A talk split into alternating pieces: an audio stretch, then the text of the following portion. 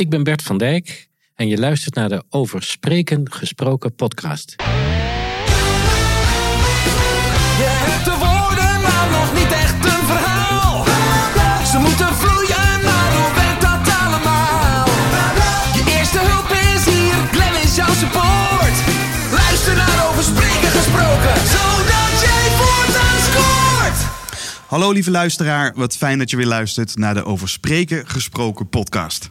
Ik ben Glenn en samen maken we korte metten met plankenkoorts en leren we spreken met meer impact. En in deze aflevering een heel bijzonder gesprek met, je hoorde hem zojuist al in het bumpertje, Bert van Dijk.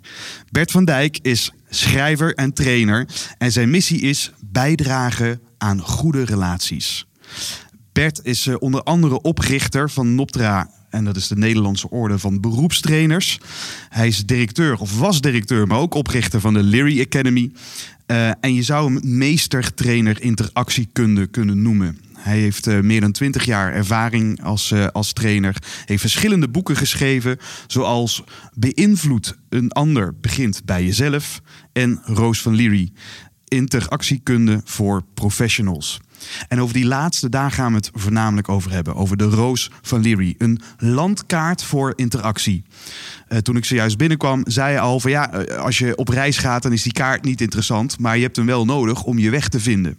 Nou, daar gaan we dus over hebben. Als we het hebben over de interactie tot die ander, hoe werkt dat? En ik kan me voorstellen, de blinde vlekken die we hebben op dit onderwerp maakt dat we vaak goede intenties hebben, maar dat die interactie verre van succesvol is. Dit en nog veel meer, luisteraar, ik wens je heel veel luisterplezier toe.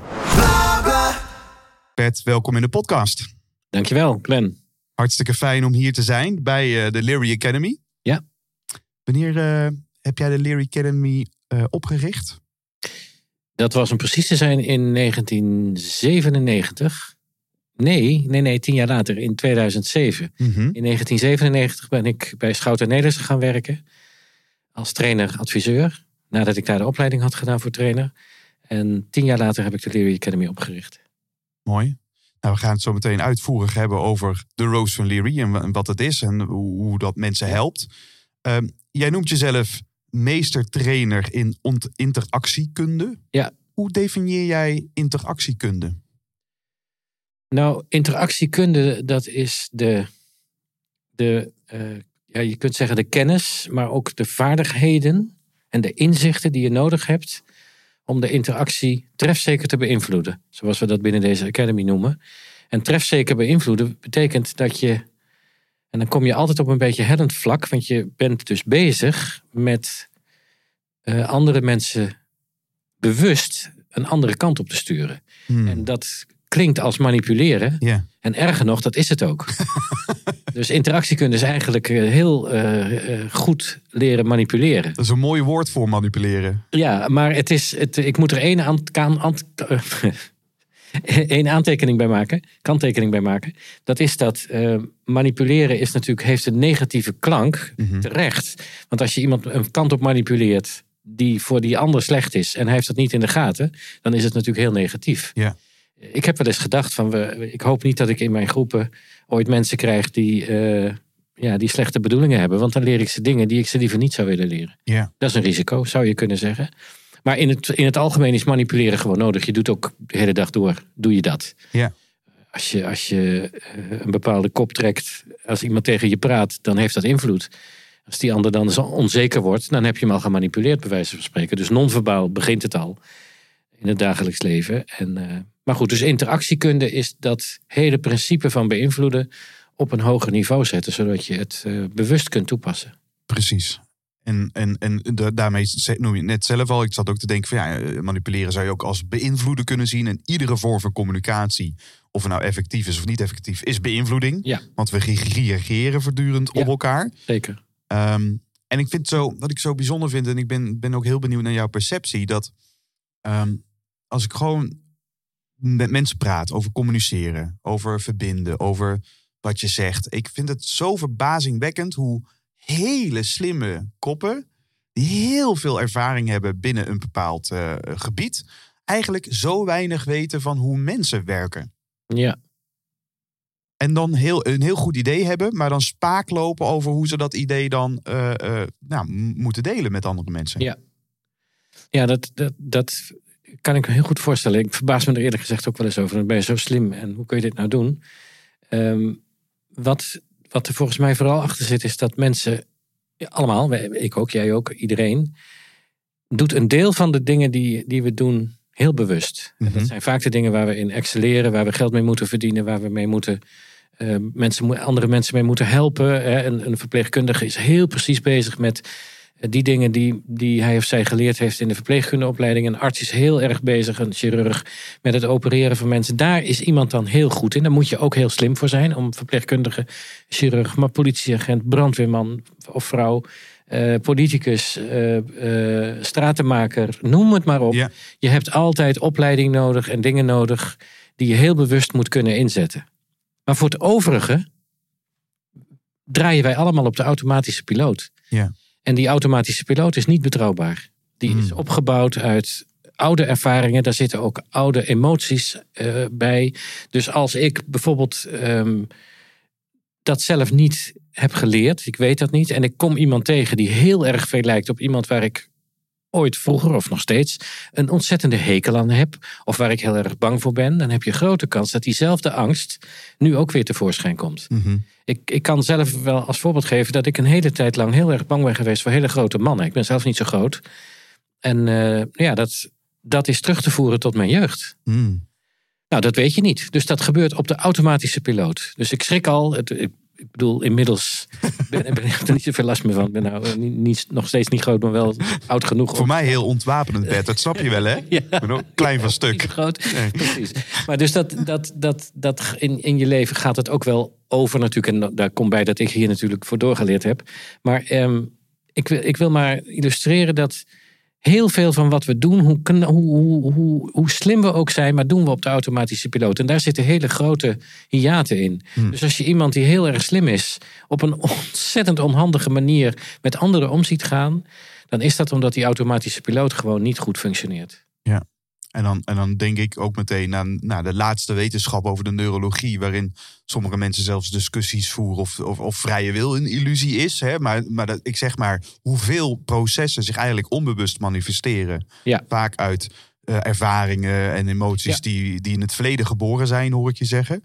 Heel veel wel, ja. De, de- nou, laten we zeggen, de meest extreme zijn, komen vaak ook uit- uit de meest vroege jeugd. Ja. Er zijn dingen die je absoluut nooit meer zult kunnen herinneren. En die toch nog steeds invloed hebben op je. Dat kan al bij de geboorte ge- geweest zijn. Die nog steeds invloed hebben op je handelen. Ja. En op je perceptie van hoe anderen functioneren. En dus ook op de manier waarop je met anderen omgaat. En als we dan kijken naar interactiekunde, wat zijn dan, met alle ervaringen die je hebt, wat zijn dan de valkuilen die die onbewuste processen teweeg brengen? Dus wat gebeurt er dan, of wat gaat er dan mis in interactiekunde, waarvan je denkt, nou ja, daar gaan we het eigenlijk over hebben. Bijvoorbeeld middels de Roos van Leary kun je daar veranderingen in aanbrengen. Ja. Ehm, ja, wij, wij stellen altijd drie vragen. Wat ervaar ik, wat wil ik en wat doe ik? En eigenlijk zijn die drie vragen, de basis daarvan is, is dat je eh, vaak niet, hebt, niet goed doorhebt wat het effect van iemand anders op jou is. Mhm. Eh, dat kan heel fysiek zijn, dat je buikpijn krijgt of dat je je vuisten balt of wat ook. En dat je dat ook negeert. Kan zelfs zijn dat je het be- nou, bewust of in ieder geval heel hardnekkig negeert. Misschien wegduwt Ja. de- of zo. dan raak je vaak, dus de tweede, het tweede aspect is wat wil ik eigenlijk in de interactie. Dus dan raak je vaak ook kwijt wat je eigen belang is. Mhm. Dus daarom zijn er natuurlijk zo verschrikkelijk veel mensen die ofwel heel bang zijn om eh, gewoon eens een keer nee te zeggen, zeg maar wat. Of mensen die juist het heel moeilijk vinden om eens gewoon naar iemand te luisteren en hem erkenning te geven. Dat raakt ondergesneeuwd, zou je kunnen zeggen, doordat de, het- de, de, de, dat wat iemand ervaart in de, in de interactie niet helder is. Nu hebben we het dus nog niet over de Roos van Lery. Eh, het derde, de derde vraag is, wat doe je? Dat is dus dat je dan ook nog eens een keer, stel dat je dat wel weet. Oh, ik weet, dit is de ervaring. Ik word eigenlijk heel boos van wat die ander zegt. En, ehm, maar ik wil dat helemaal niet. Ik wil juist goed met hem om blijven gaan. Dan moet je nog weten hoe je daarmee om moet gaan. Want je hebt een emotie, je bent boos. Waar het ook vandaan komt. Hè. We zeiden net al, dat kan eh, een, een, een, een ehm, reflex zijn door hoe je bent opgegroeid en wat je hebt geleerd in je leven. Maar het kan ook gewoon iets heel reëels zijn. Dat je zegt van ja, dit maakt me ontzettend kwaad. Ja. En ehm, nou, maar ik wil dat nu niet. Want ik, ik moet bijvoorbeeld nog de hele dag met iemand eh, eh, een berg beklimmen, ik zeg maar wat. Of, of Ja. werken. Ja. En dat kunnen we helemaal niet gebruiken. Dan komen er ook weer allerlei gedachten doorheen. Van ja, maar ik moet toch eerlijk zijn? Of straks dan gaat die ander mij iets aandoen of wat ook. Nou, de keuze van wat moet ik dan doen is dus ook nog eens een keer moeilijk. Dus eigenlijk zijn er, is het een drietrapsraket. Wat ervaar je, wat wil je en wat doe je? En als je die vragen helder kunt beantwoorden voor jezelf, dan pas kom je aan die landkaart van, eh, van Timothy Leary toe. Die zo verschrikkelijk helder aangeeft wat de mogelijkheden allemaal Ja, ja maar dat, er zijn dus een aantal voorwaarden om Ja. überhaupt daarmee te kunnen gaan spelen. Ja. En die eerste voorwaarde die je noemt, is, is- is dan die eerste interpreteer ik dan als bewustzijn. Ik Ja. moet een bewustzijn Bewustzijn, ja. ontwikkelen over dat ik voel wat er aan fysieke sensaties gebeuren. Ja. Wanneer dat ik me verhoud tot iemand anders. Ja, het is zelf, zelfbewustzijn en een mooi woord daarvoor, dat kom je nog wel eens tegen, is proprioceptie. Dus dat je doorhebt wat er met jezelf gebeurt. Ja. Ja. Is dat voor jou vanuit jouw filosofie een vereiste? Dat omwille een ander te beïnvloeden? Nou ja, ik kijk even naar een titel van je boek. Heb je eerst jezelf beter te begrijpen en misschien wel te beïnvloeden? Ja, beïnvloed anderen, begin bij jezelf heet het boek. En ik ben in de loop van de jaren, het is in 2000 uitgekomen, erachter gekomen dat eigenlijk begin bij jezelf, ja logisch ook, zo- heet het ook. Ja. Daar moet het eigenlijk ook beginnen. Dus ik heb er nog een boek bovenop geschreven, dat heet Begin, Begin bij jezelf. Ja, want daar, daar leg ik in uit hoe je, hoe je dat zou kunnen doen. En dat is niet eenvoudig hoor. Maar ik vind inderdaad wel dat dat een voorwaarde is. Hm. En dat, de- ja. Voor lastige situaties. Dat Dus- moet ik er wel bij zeggen. Want mensen zeggen, ja, moet dan de hele dag met die Roos van Lirie op zak lopen? Nee, natuurlijk niet. Nee. Eh, maar als het lastig wordt, als het erop aankomt... en zeker als je ook nog eens een keer verantwoordelijkheden hebt... bijvoorbeeld als je leiding geeft... dan is het wel heel belangrijk dat je dat weet. Ja, dus die, die eerste bewust, bewustzijn, of dat mooie woord wat ik niet kan reproduceren. Proprioceptie. Hoppa. Ja, je mag eh, groen. Je mag twee ballen uit de bak halen, dames en heren. Ja, Scrabble, als je het gaat spelen. Nou, sorry hoor. nee, nee, nee, geintje, geintje. En, eh, en het tweede is, wat wil ik eigenlijk? Ja. Nou ja, dat is natuurlijk ook doorgaans zijn mensen zich daar niet altijd van bewust. Van wat is nu op dit moment belangrijk? Klopt. Eh, als ik nu kijk, hè, er gaat er weer iets mis thuis. Ja, wat is belangrijk? Is de opvoeding belangrijker? Ja. En eh, waardoor het in potentie een les leert? Eh, of, is, of is een opgeruimde tafel voor mij hier het belangrijkste? Ja. Waardoor ik het toch maar weer zelf eh, ga zitten doen. Ja, absoluut. Ja.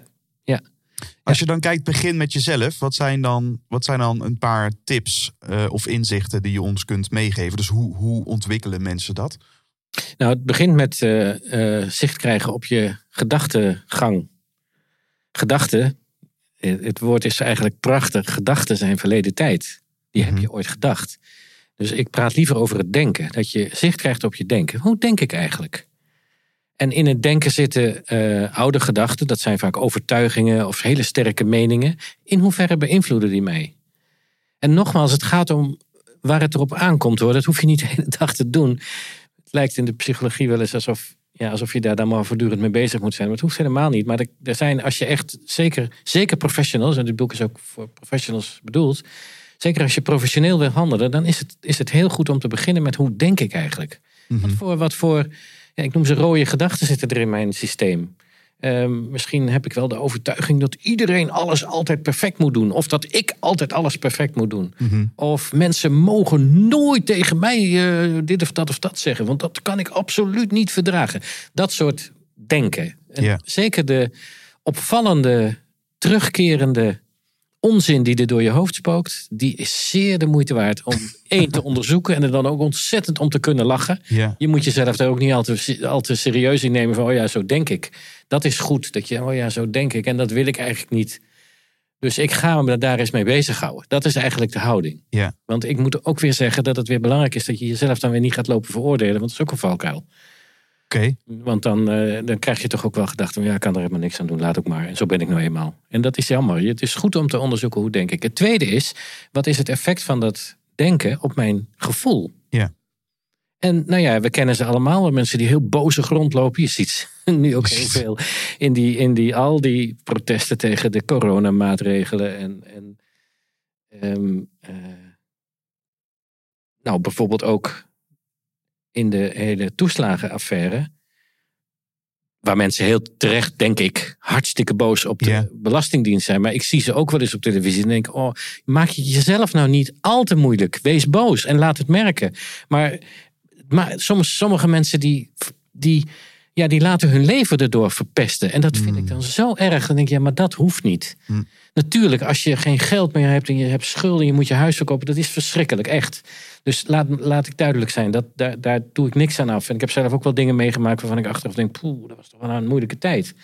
Tegelijkertijd moet je het niet erg, moet je jezelf niet toestaan het nog erger te maken dan nodig is. En dat Ja. doen wij veel. En nou noem ik wat grote dingen, maar het kan al gebeuren met eh, ja, een, een, een, bultje in je, in je nek en dat je denkt, ook ik heb kanker. Ja. Mensen kunnen eh, verschrikkelijk bang worden voor dingen die nog helemaal niet aan de orde hoeven te zijn.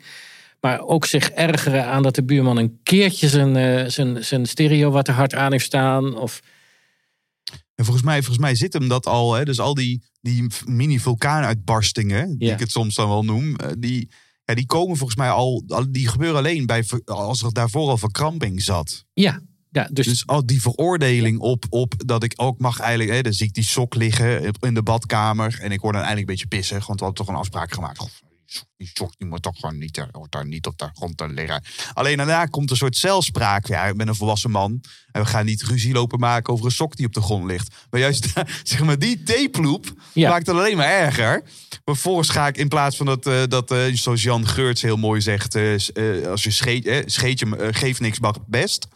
Een soort liefdevol naar je eigen gepruttel kijken... maakt dat het meteen vernevelt. Ja. Eh, terwijl juist het, oh, het inhouden en het, en, het, en, het, en het toedekken... ja, dat zorgt natuurlijk gewoon dat, dat we het of in externe problemen gaan zoeken... dat we het op een gegeven moment kanaliseren. Eh, jij maakt mij ongelukkig, hè? dat zeggen we ook met een vingertje. Eh, ofwel dat, dat, dat het op een gegeven moment ontploft op een, op een moment... waar het eigenlijk helemaal niet thuis hoort. ja. Ja, en, in, en, en zeker. En, en mijn, mijn idee is echt mijn stellige overtuiging. Dus ik heb ook een overtuiging. Ja, zeker. Ik heb er wel meer hoor. Maar mijn overtuiging is dat het denken, het- de manier van denken daarin een, een hele belangrijke rol speelt. Nou, een belangrijke rol zeker, maar het is ook de motor. Als je kijkt naar hoe je denkt en waar echt. Ja, en, en ja. Jij noemt Jan Geurts. Ik denk aan. ehm Frits Perls is het, denk ik, de, de grondlegger van de gestalt. Ja. Die noemden het volgens mij eh, eh, vermijdingsgelul. Vermijdingsgelul. Ja, dus dat is als je eh, allerlei gedachten door je hoofd laat spoken en daar de gedachten uitkiest die het meeste voor zorgen dat je maar dingen niet aan hoeft te gaan. ja.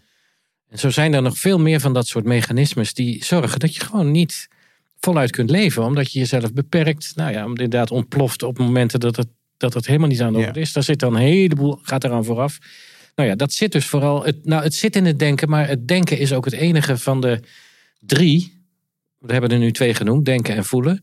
En de vierde is natuurlijk, de derde is natuurlijk handelen. En denken, voelen en handelen zitten, wat mij betreft, in één pakket. Maar het denken, dat is de, de, de, de, het, het, het, het mechanisme in jezelf waar je, het waar je invloed op kunt hebben. Precies. Op Dus voelen kun je geen invloed uitoefenen.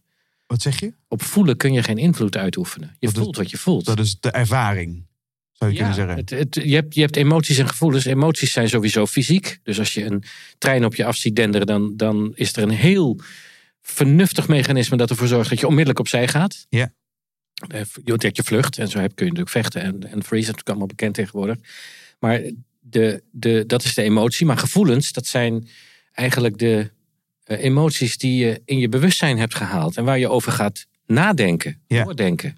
Je hebt een interpretatie op Ja, die emoties. interpreteren, precies. En daar komen dan dus die gedachten bij. Ja. Die oude gedachten. Dat mag niet. Of ik ben boos en nou zal ik ze ook dorie, Ja. wel eens even krijgen. Terwijl dat misschien niet is wat je in feite wil. Ja, dus die, Of moet willen. terug naar die gedachten, die hoeven niet per definitie de waarheid te spreken. Nee. Een mooie uitspraak van iemand, ooit een, een docent die- in een opleiding, die zei altijd: Je moet niet alles geloven wat je denkt.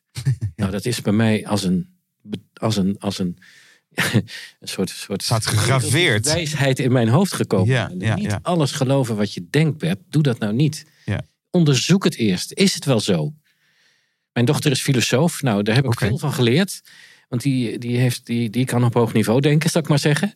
Maar eh, het, het denken kun je ontzettend beïnvloeden. Je kunt daar ontzettend veel. Dus bijvoorbeeld door vragen te stellen als filosofische vraag: is het eigenlijk wel waar wat ik denk?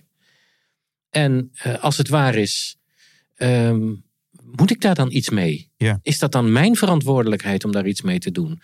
Eh, hoeveel mensen zijn er niet die zich verantwoordelijk voelen voor de hele aarde en, en, en, de, en de opwarming daarvan? Verschrikkelijk. Maar je kunt er maar ook maar voor een deel verantwoordelijkheid voor nemen. Dat is jouw, jouw eigen stukje daarin natuurlijk. Maar je hoeft je niet verantwoordelijk te voelen voor de hele aarde. En ik kom echt nog wel eens mensen tegen, ook in training hoor. Van ik denk, oh, wat, wat maak je je toch, wat maak je het groot voor jezelf? Ja. En dat is ook wat je net illustreerde met die wat grote voorbeelden waarbij we allemaal voelen, dan is boosheid misschien wel op, je, op zijn plaats. Hè? Eh, bijvoorbeeld in het geval van die toeslagenaffaire. Maar, maar er zit wel een verschil tussen de, de zuivere boosheid voelen of, of je daarmee identificeren. Ja, Waardoor je niet meer boos voelt, maar je bent de boosheid. zou je kunnen zeggen, ja, zeker. En dan, zegt, ja. en dan voel, dan voel, voel ik, ik hoop ook dat een luisteraar dan voelt van ja, dan, dan, dan, dan doet het jezelf ook kwaad. Ja. Dan, dan eet het je als het ware van binnenuit op. Ja. Terwijl het dat nooit de intentie kan zijn van de zuivere emotie. Want Zeker. het is een weksignaal om ja, in actie te komen. En eigenlijk dus te gaan handelen. Om Ja. er iets mee te doen. Ja, ja, zeker. En omdat we het over interactie hebben, met dat het jezelf opvreet of jezelf schade doet, doe je dat dus de ander ook. Ah ja. Bijvoorbeeld in je relatie of ten opzichte van je kinderen. ja. Want Omdat je je- projecteert het ten alle Je tijden. projecteert Het. En je, je, je, je boosheid wordt veel groter dan nodig is. Ik kan me nog herinneren dat mijn dochter, toen ze nog maar heel klein was, dat ik haar een keer, was ik ontzettend chagrijnig om, om iets.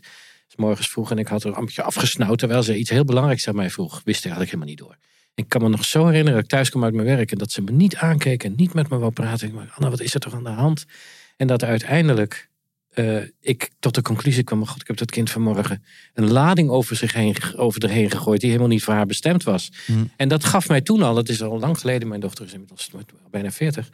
Maar ehm, dat was toen voor mij een inzicht van jeetje, ja, ik, als ik mijn eigen ja, doen en laten, doen is dus de derde eigenlijk, het handelen niet onder controle heb, dan, eh, ja, dan kan ik daarmee anderen ook beschadigen. Bijvoorbeeld mijn kinderen. Maar dat kunnen ook, als je de onderwijzer bent, je, je leerlingen zijn, je, noem maar op. Dus als het omgeving. nu in beïnvloeding. En mooi dat je ook eh, put uit, uit deze persoonlijke voorbeelden. Daarmee gaat het ook wat, wat leven. Hè? Dan is dus denken, voelen, doen, hoor ik je zeggen. Ja. Als drieluik.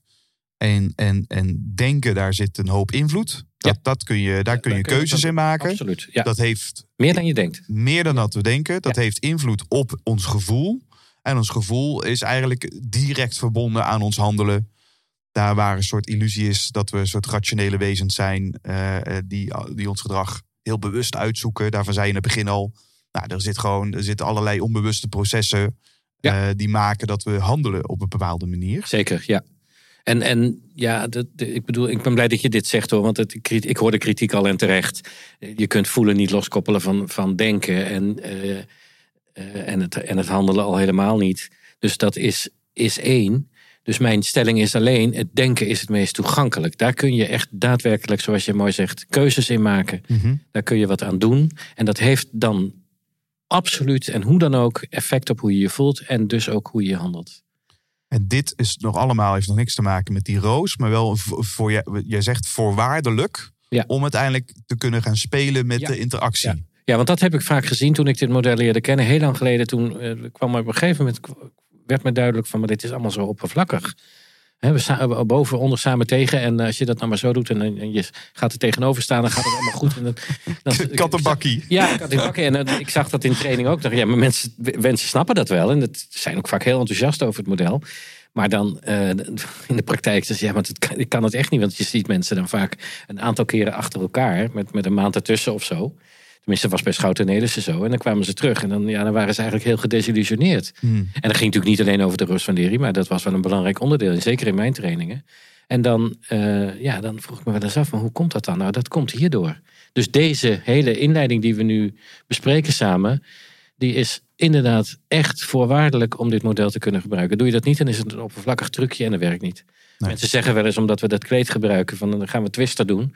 Nou, dat, dat niveau is het dan ongeveer. nou, doen we Hand op, leider. Ja, Ja, ja, precies, ja. Hey, wat was jouw allereerste aanraking met de roos van Leary? Ehm, nou, ik werkte bij de dierenbescherming. Ehm, en daar had ik te maken met vrijwilligers in de, in de afdelingen van de dierenbescherming. En ik, ehm, ik moet even goed nadenken of het. Ja, het was toen. En ik, ik was inmiddels. eh, was ik trainingen gaan geven. En ik dacht, zoals veel mensen dat denken: van, ach ja, ik wil altijd schoolmeester willen worden. Lijkt me hartstikke leuk. Dus wat ging ik doen? Kennis overdragen. Oh ja. Maar ja, de, de vragen die wij hadden uitgezet, die waren veel groter. Dat ging echt om samenwerking in die, in die teams, op die, in die regionale afdelingen. De dierenbescherming heeft best grote afdelingen. Nou ja, ik was er na de, na de, na, binnen de kortste keren... A, was ik zelf helemaal de weg kwijt. Moet ik die mensen hier ooit mee helpen? Het is een vak hoor, echt. En dat wist ik toen nog helemaal niet. Moet ik wel zeggen dat in die tijd was het vak trainer ook nog niet zo. Dat waren voetbal, voetbaltrainers, die waren bekend. Maar in, die, in, de, in het bedrijfsleven nog Dus het lang niet niveau van de professionaliseringsslagen Nee, die nu zijn gemaakt was, toen in de kinderschoenen. Ja. Stond in de kinderschoenen. Maar goed, ehm, ik Was denk bij dat de- Jan Schouten toen zo'n beetje bezig was uh, Schouten Nelissen op te richten. Maar dat was dus het begin. Maar goed, in ieder geval, ik, eh, ik dacht dat ik dat wel eens even zou kunnen doen. Dat lukte dus niet. En wat ik ook zag, is dat die mensen in diepe conflicten waren. Ik bedoel, als ik, eh, in de tijd daarvoor had ik, hield ik mij bezig met proefdieren. Bestrijden van, proefdier, van proefdiergebruik. Antivivisectie. En eh, daar had je het Dierenbevrijdingsfront. En, en wij, de meer gematigde groep. De, de rekkelijke en de precieze zou je kunnen zeggen. Hmm. Dat was een diep conflict. Als wij eh, gesprekken hadden met, de, met, met onderzoekers, dan stonden ze bij wijze van spreken de volgende dag op de stoep om tegen ons te demonstreren. Echt waar? wij aan hun kant stonden. Ja, bij wijze van spreken. Zo is zo'n vaart heeft het niet gelopen, maar ze waren wel heel erg tegen ons. Dus wij werden gewoon over één kam geschoren. Ik zat met dat probleem. Maar ook met die trainingen, dat zag ik dus binnen de afdelingen ook. Je had altijd, altijd grote conflicten. En dat zie je vaker bij vrijwilligers. Die zijn niet, niet bezig om samen te gaan werken. Die zijn bezig om beestjes te redden. Ja. Ja, er zijn binnen de kortste keren natuurlijk grote verschillen van opvatting. Nou ja, dus ik, ik, ik liep echt rond bij die dierenbescherming. met Wat kan ik nou juist, omdat ik dus die, dat trainings, eh, die trainingspoot zou gaan opzetten. Wat kan ik daaraan doen? En toen heb ik, nou, ik heb een aantal telefoontjes gepleegd, weet ik nog. En toen kwam ik uiteindelijk terecht bij intermediair. Want daar zaten veel academici en mensen met allerlei, eh, allerlei mogelijkheden. Nogmaals, ze waren toen nog niet zo bekend als nu, psychologen. En toen zei iemand bij eh intermediair, krant voor de academische, voor mensen met een academische opleiding, tijdschrift, dan moet je Willem Wanrooy hebben. Oh, bel hem maar. Hier is zijn telefoonnummer. Dat is de man die jij moet hebben. Dus ik belde Willem en ik zei, ja, wij eh, zitten met een, eh, binnen, binnen de dierenbescherming. En dat vond hij heel sympathiek dat ik eh, daarvan was. Daar stond hij erg achter. En we met een groot probleem. En kun jij ons helpen om daar wat aan te doen? Toen zei hij, nou ja, wat ik kan doen is trainingen geven. En die kan ik voor je opzetten. En dat en dat en dat. En het kost 1250 gulden per dagdeel. Het is nu niet meer voor te stellen man van dat kaliber, maar goed. Ehm, en eh, nou, dat heb ik toen besproken uiteraard. En dat hebben we toen gedaan. Ja. Dus, en toen heeft hij een aantal trainingen gegeven. En ik was zeer onder de indruk, want ik was daarbij. En toen zei hij van nou, dit kan ik ongeveer drie keer voor jullie doen. En dan is jullie budget op. Want ik ga niet in prijs zakken. Hmm. Maar wat ik wel wil doen, is dat ik jou help dit te, dit te gaan toepassen in de praktijk. Want dat kun jij volgens mij. Want ik had hem al een beetje geholpen en zo. Nou, en toen... eh, Dus ja, werd- van de- stond een meester-leerling eh, ja, verhouding. ik heb dus echt de eerste, nou, ik denk de eerste vijf jaar, heb ik dit echt in de praktijk geleerd. Want zo af en toe ging ik dan weer naar hem toe, dan kocht ik weer een ochtendje van hem. en dan gingen we dat doorspreken. Dus hij gaf mij intervisie daarop, en zo, of supervisie daarop. Maar hij gebruikt als een van de belangrijkste modellen de Roos van Liri. Hmm. Dat kun je zijn boeken nog steeds terugvinden. Hij is daar een, een, een meester in. En ja, ik heb het dus van de meester geleerd, zou je kunnen zeggen. En nog één keer zijn naam, want, want Willem Wanrooy. precies, want dat Ja. is eh, ook voor mijn tijd. Ja. ik Nee, durf daar zeker. te zeggen, dus Nee, maar ik ken, heeft ik ken de beste man niet. Nee, nee, nee. Nee, maar Willem is ook vooral een, een, eh, een organisatieman. Hij, hij heeft heel veel grote trajecten gedaan binnen de organisaties. Een prachtig boek geschreven, zal ik het noemen? Ja. Corporate Change. Oké. Zeer aan te bevelen. Willem leeft nog, hij is natuurlijk een stuk ouder dan ik. Maar eh, ja, fantastisch. Dus van hem heb ik het geleerd. Dus daar, daar kwam ineens zo'n model voorbij. Een, een, van, van een Timothy Leary. Die, eh, die, Ja. die, die, Die kende ik wel trouwens. die, die, die kende je wel. Van, van Hair en eh de Moody Blues. Timothy Leary is Dead. Het is een bekend nummer, Legends of a Mind. Het is een man die heeft na zijn psychologische carrière... is die Hollywood. heel erg, nee, heel Of- erg in de, in de drugs eh, gaan, zich gaan verdiepen. En hij kwam tot de conclusie, ja, maar LSD gebruiken is veel effectiever dan psychologie toepassen. En ik, ik, ik meen het hoor, als ik zeg dat ik denk dat hij daar een, belangrijk punt had. Hij vergat één ding en dat is dat het zo verschrikkelijk Dus schadelijk is. verslavend En was. verslavend, ja. Ja. Nou ja, want we, we, kunnen, we zouden al een hele podcast kunnen vullen aan het leven van Timothy Leary. Want dat, was, dat hij heeft een onstuimig leven eh, gehad. Ja, nou, Eh, en, en wat, ja, ik, ik, het klinkt dan een beetje als anti-reclame als ik zeg dat eh, zowel vrouw als dochter eh, zich van het leven hebben beroofd. Ja, ja. Dat, ja, dat ik dan mezelf afvraag, wat, wat is daar bij, bij Huizen Leary gebeurd? Waardoor dat soort... Nou, ik kan de luisteraar aanbevelen om eens wat YouTube-filmpjes van Timothy Leary, van interviews met hem bijvoorbeeld, Ja. voor de Amerikaanse televisie en zo te bekijken. En dan zie je wat voor een verknipte man het was. Ja? Ja, een gevaarlijke gek werd hij echt op een gegeven moment. Een hele, een hele amabele man en, en, en wel zeer wel bespraakt en super intelligent. Maar ja, ook, ook heel erg verknipt. En Hmm. ik, ik heb zijn biografie gelezen en dan zie ook wel dat er ook wel weer eh, natuurlijk oorzaken voor zijn. Ook in zijn verleden zitten hele rare overtuigingen en, en dat soort zaken. Maar goed, het is, het is een man die na 1957, want toen heeft hij dat, dat beroemde boek gepubliceerd waar wij dit hele verhaal uit afleiden. Maar daarna is hij zo vanaf 1960 is hij helemaal de andere kant op gegaan. ja. Maar het heet nog steeds de Roos van Leary. Dus hij heeft in ieder geval een legacy Een achtergelaten. zeer belangrijke legacy achtergelaten. En wat, en, en dus jij raakte daar, jij kwam, eh, jij leerde van, van, van, van een inspiratiebron, jij, jij, jij leerde dat model kennen. Wat was dan het moment, los van dat je daar jaren natuurlijk in getraind hebt, dat je dacht van ik ga mijn naam uiteindelijk verbinden aan dit model. Ik Ja. vind het zo waanzinnig waardevol dat, ja, dat als we nu de Roos van Leary googlen, dan, dan ben jij de eerste man die, eh, die dan omhoog komt eh, in Nederland. Ja. Ja, wat niet helemaal terecht is hoor, want ik heb dat met meer mensen gedaan. Ehm, mijn vrouw, nu Annelies, die, eh, heeft al, die heeft mij altijd hierin... Wij hebben dit altijd samen gedaan. Oké. Dus mijn naam is, maar ik wil niet in dezelfde fout lopen als Timothy Leary. nou, zijn beroemdheid heel wat groter dan de mijne, dus niet zo heel erg. Maar hij heeft ook allerlei mensen achter zich gelaten... die nu ook nog steeds hoor, wel zeggen van... ja, maar god, dat hebben we wel samen gedaan. Ja. Het is een enorm onderzoek geweest en zo. Maar hij, hij was directeur, het is zijn naam geweest. Dat vind ik ook. Het is, ik heb dat zeker niet alleen gedaan. Maar voor mij was een moment, ook in, toen ik ehm, eh, bij Schouten Nelissen werkte en heel veel trainers zag, dat ik dacht, ja, maar dit model kan veel, daar kun je veel meer mee. Dat was Hmm. echt mijn overtuiging. Ik had dat uh, Leary's boek gelezen, helemaal bestudeerd, wat ik moeilijk vond. Is oude, oude psychologie zou je kunnen zeggen, Amerikaans. Eh, ook niet heel erg helder geschreven. Dus dat was best lastig. Maar ik, ik haalde er wel uit van jeetje mina, het is in de psychiatrie ontwikkeld. En eh daar zit zo verschrikkelijk veel meer in dan alleen maar dat twist, twistertje spelen op zo'n kleed, zeg maar. Het is echt veel meer. En ehm, toen op een gegeven moment, en het kwam ook met dat ik dus voor mezelf wilde beginnen. Ik had echt de behoefte om een eigen bedrijf te beginnen, dat wilde ik graag. En toen zei iemand dat tegen mij van, ja joh maar Bert, maar dat is niet zo ingewikkeld. Je hebt het altijd over de Roos van Leary. Ja, het kwam 1 in 1 is 2, kwam bij elkaar. Toen dacht ik, ja, ik ga me daar helemaal op richten. Ja. Ik ga het Timothy Leary Institute opzetten. Nou, dat is dus de Leary Academy geworden. Mooi. Ja. Nou, ik denk dat de luisteraar helemaal klaar zit. Pen en papier en aanslag. Doe dat. Eh, ja. ja. Neem ons mee, de landkaart van De interactie. landkaart van interactie, ja. Ja, wa- waar beginnen we? Waar Ik, eh, beginnen we? Nou, het, ik, weet je, ik heb, een, ik heb een, eh, ook, ook voor mijn cursisten een soort, hoe heet dat, ezelsbruggetje bedacht. Het begint bij 0. Oké. 0, 1, 2, 3, 4, 8. 0, 1, 2, 3, 4, 8. 5, 6, 7 slaan we over. Oké. 0. Het is een cirkel.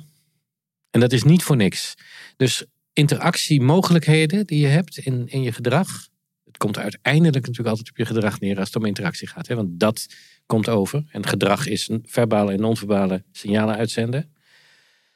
Ehm, dus de nul staat voor het, de, de, de oneindige cirkel. Dus gedrag en de mogelijkheden en ook de reacties bij anderen, die, eh, zijn, die vormen een glijdende schaal. Eigenlijk is dit een van de geniale. Genialiteit is iets heel oorspronkelijks uitvinden. Hè? Nou, het genie van, van Leary en zijn groep, het geniale is dat ze heel lang hebben gezocht van hoe kun je gedrag ordenen? Hoe kun je dat in kaart brengen om dat in een cirkel te doen? Dat lijkt nu heel eenvoudig, maar dat is het niet.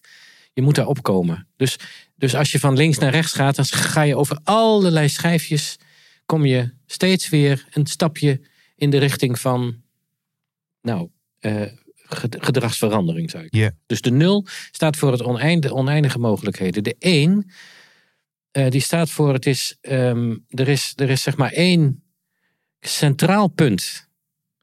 Eh, je zou kunnen zeggen dat is het midden van de, van de roos. Dat heeft Daniel Hofman ooit eens tegen mij gezegd. Van, ik vind die roos van Lery heel interessant. En het meest interessant vind ik het midden, het zelf. Hmm. Je staat zeg maar in het, moet niet, niet letterlijk voor je zien, maar je staat in het midden. Je bent in je eigen, in je eigen beleving. En van daaruit kun je zeg maar allemaal mogelijkheden gaan onderzoeken. Ja, ja wel, Dus je wel- moet het vanuit je eigen kern, vanuit je eigen precies. bekijken. Hoe beweeg ik me nu beweeg ik me? in dat gesprek? Ja. Ja, waardoor ik dus al de bewustzijn heb dat het niet alleen gaat over die inhoud. eh, maar dat ik dus heel erg bewust nu eh, een kleuring kan geven aan de dynamiek. Ja. En, da- en daarmee beoefen ik invloed. En dan Ja. kan ik natuurlijk testen of dat werkt of niet. En, eh, Ja, Nou, precies. En dat is, is oneindig. Ja, de- wij hebben oneindig veel mogelijkheden. Ja, dus het is ook weer goed om te. Hè, dat vind ik mooi. Dat benoem je meerdere malen in het boek. Het is, interactie is zo complex. Dat het, dat, het, dat het veel, veel dynamischer, veel complexer is dan, dan het model. Ja. Eh, maar eh, opnieuw, het is een landkaart. Dus Ja. het is een mooie kaart wat, wat inzicht geeft in, in dat veld. Ja, precies. Eh, maar de kaart is niet het gebied. Nee, maar je hebt hem nodig. Want als je dus, je zegt terecht die complexiteit. Als je in midden, in midden in New York gaat staan. Ik een paar jaar geleden voor het eerst in New York geweest. Wow. Eh, ja, en nou is New York, nou moet ik, ja, New York is misschien nou net niet het helemaal het goede voorbeeld. Het is wel heel erg goed, makkelijk ingedeeld, maar toch. Als je geen kaart hebt, je geen kaart hebt, steeds lastig. Ja, Ja. je komt niet waar je wezen wil. Dus de complexiteit maakt ook dat je zo'n zo'n landkaartje nodig hebt. Dat was nul. En dan is één, Eén is, is, dus dan die, is dat dus, er is het één, hart.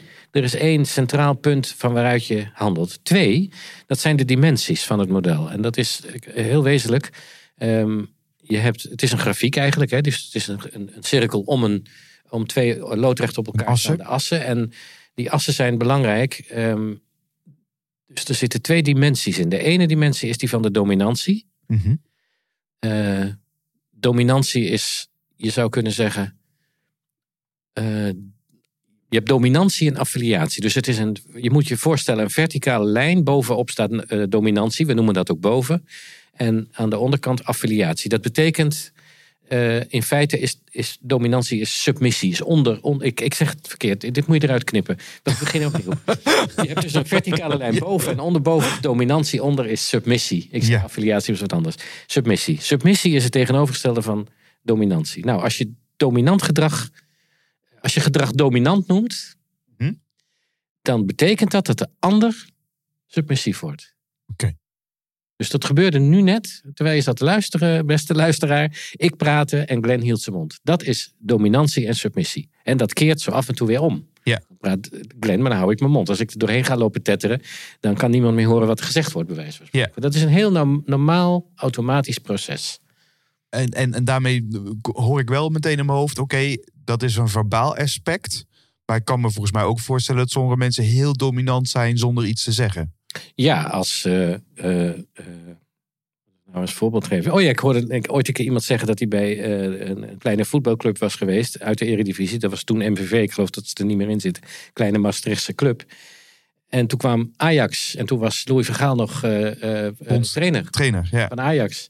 En hij zei, zij zei, het was een vrouw. Ze zei, die, die Ajax-lui kwamen binnen en Louis Vergaal voorop. En wij waren allemaal doodstil. ja. Er gebeurde iets. Ja, dat is inderdaad een, een, een hele andere vorm van dominantie.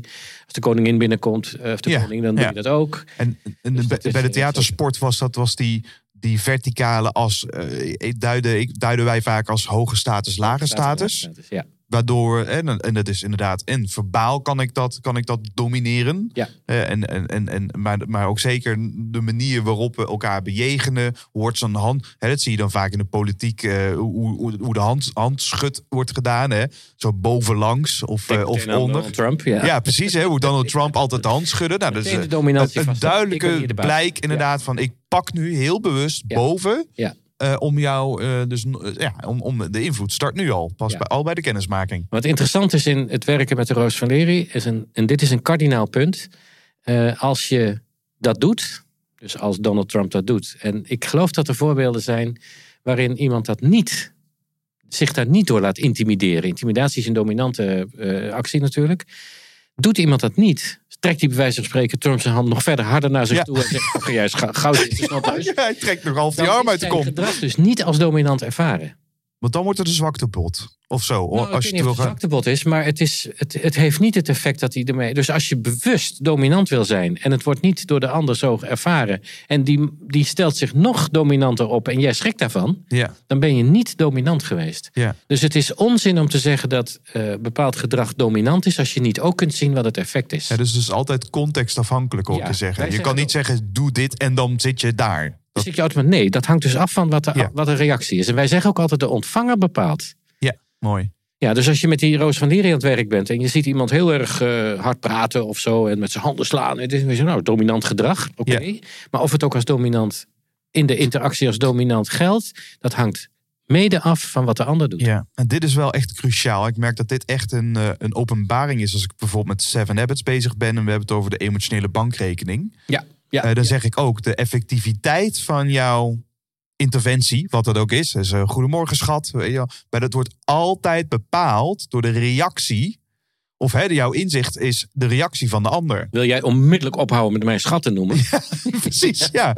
Dus, dus, dus, dus eh, de, ik vind het heel mooi dat je dat zo zegt. De Ja. ontvanger ontvanger bepaalt. Dat klopt ook. Want ja, de- de- als je invloed wil uitoefenen, zul je moeten merken aan de andere kant of het daadwerkelijk aankomt. Precies. En dat verschilt maar meer per persoon, eh, wie Ja. je dan maar tegenover je Dus hebt dat is een waarschuwing voor iedere professional die met de Roos van Lery werkt. Ga niet af op je eigen interpretatie van gedrag, maar kijk naar het effect. De Roos van Lery gaat over gedrag en het effect daarvan. Check. Ja. Dat genoteerd. Ja. Dat was twee, hè? Twee is, eh, de, de- ja, de- dat was de eerste van twee. Dus de dominantie, as, die verticale. En dan is er een horizontale as. En nu komt het woord affiliatie. Dat betekent nabijheid.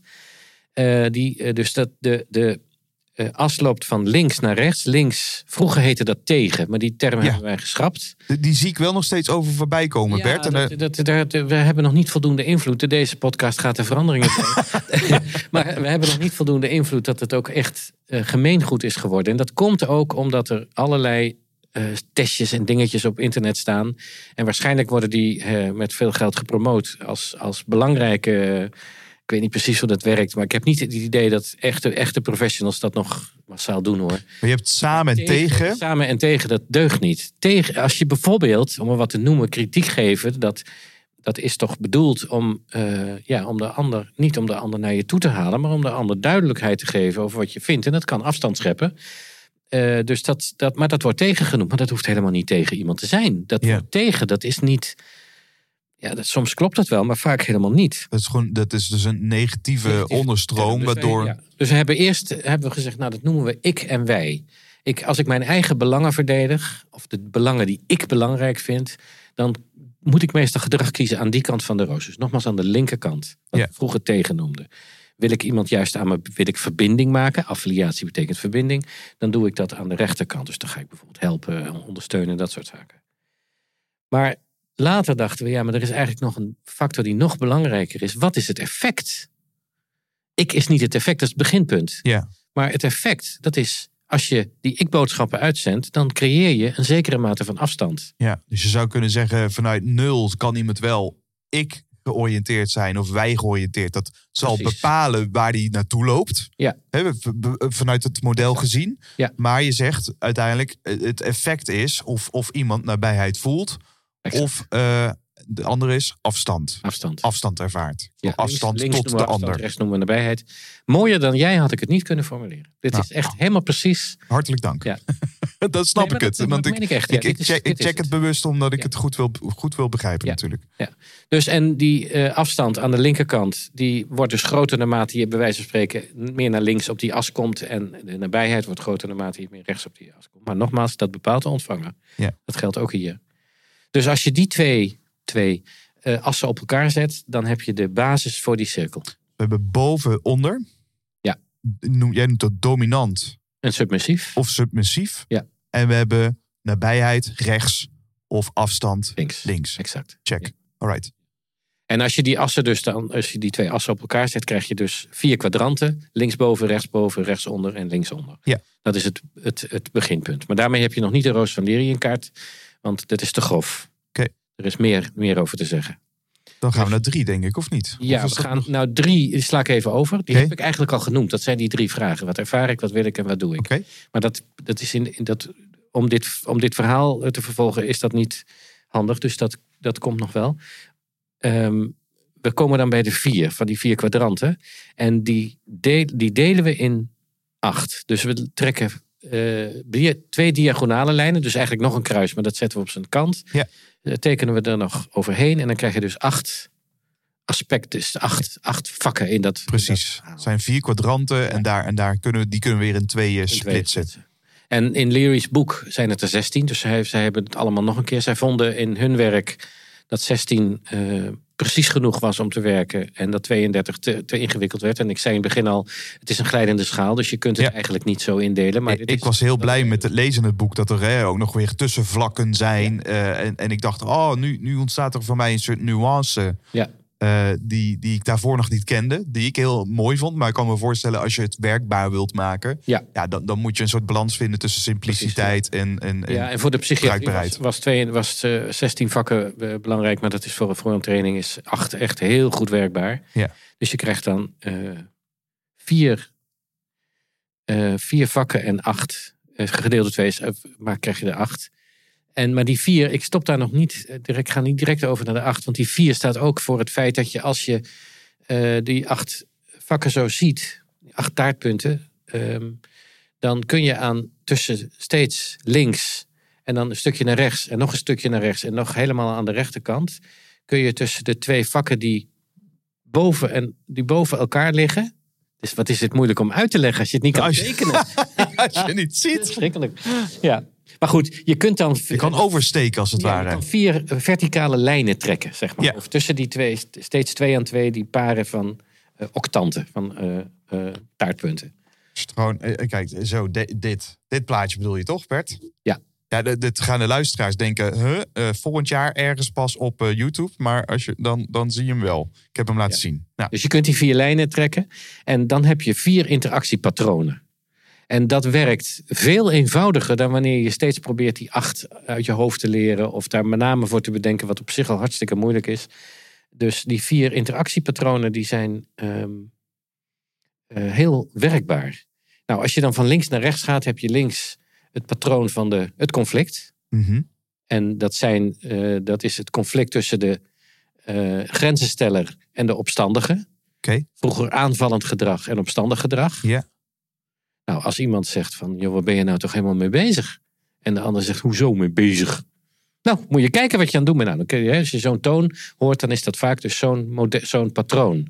Tussen aanvallen en verdedigen, zou je kunnen zeggen. Precies. Dus als ik die aanvallende rol inneem, dan is de kans heel groot dat iemand zich automatisch gaat verdedigen. Ja. Dus je creëert daarin die dynamiek. En omgekeerd, als je je verdedigend opstelt, dan heb je kans dat je de ander irriteert. Ja. Of in ieder geval tot grenzenstellend gedrag aan. Dus als ik ga lopen, lopen klagen de hele Ja, dag, dan gaat iemand op een gegeven moment zeggen, nou, en nu is het afgelopen. Is het afgelopen, ja. En ik vind altijd een leuke anekdote van een kind dat zegt van... Mama, ik heb het echt niet gedaan hoor. Dat mama denkt, wat heb jij niet gedaan? Ja, precies. je kunt uit het niets bij wijze van spreken... Ik heb geen snoep gestolen uit de snoeppot. Ja. I did not have sex with that woman. Woman, ja. Dus dat is het patroon aan de linker. Dan heb je daarnaast, de, dus de, de, de, de, de, de- dat is een langere lijn tussen de, de, de, de tweede eh, eh, aan de bovenkant en die aan de onderkant. Dat zijn de bepaler en de stille. Dus Het was eerst concurreren. concurrerend gedrag en teruggetrokken gedrag, zou Oké. je kunnen zeggen, ja, voor de mensen die nog de oude termen kennen. Ehm, en dat is, eh, je zou kunnen zeggen, de hiërarchie. De bepaler zegt, en dit is wat we gaan doen. Hmm. En als dat dus bepalend is, als het door de ander ook zo wordt ontvangen, nogmaals de ontvanger bepaalt, dan eh, trekt hij zich terug of hij gehoorzaamt. Ja. Oké. Dus die stille, dat, dat, dat kan gewoon. Dat is gewoon de- we gaan het eigenlijk nog hebben over de volger.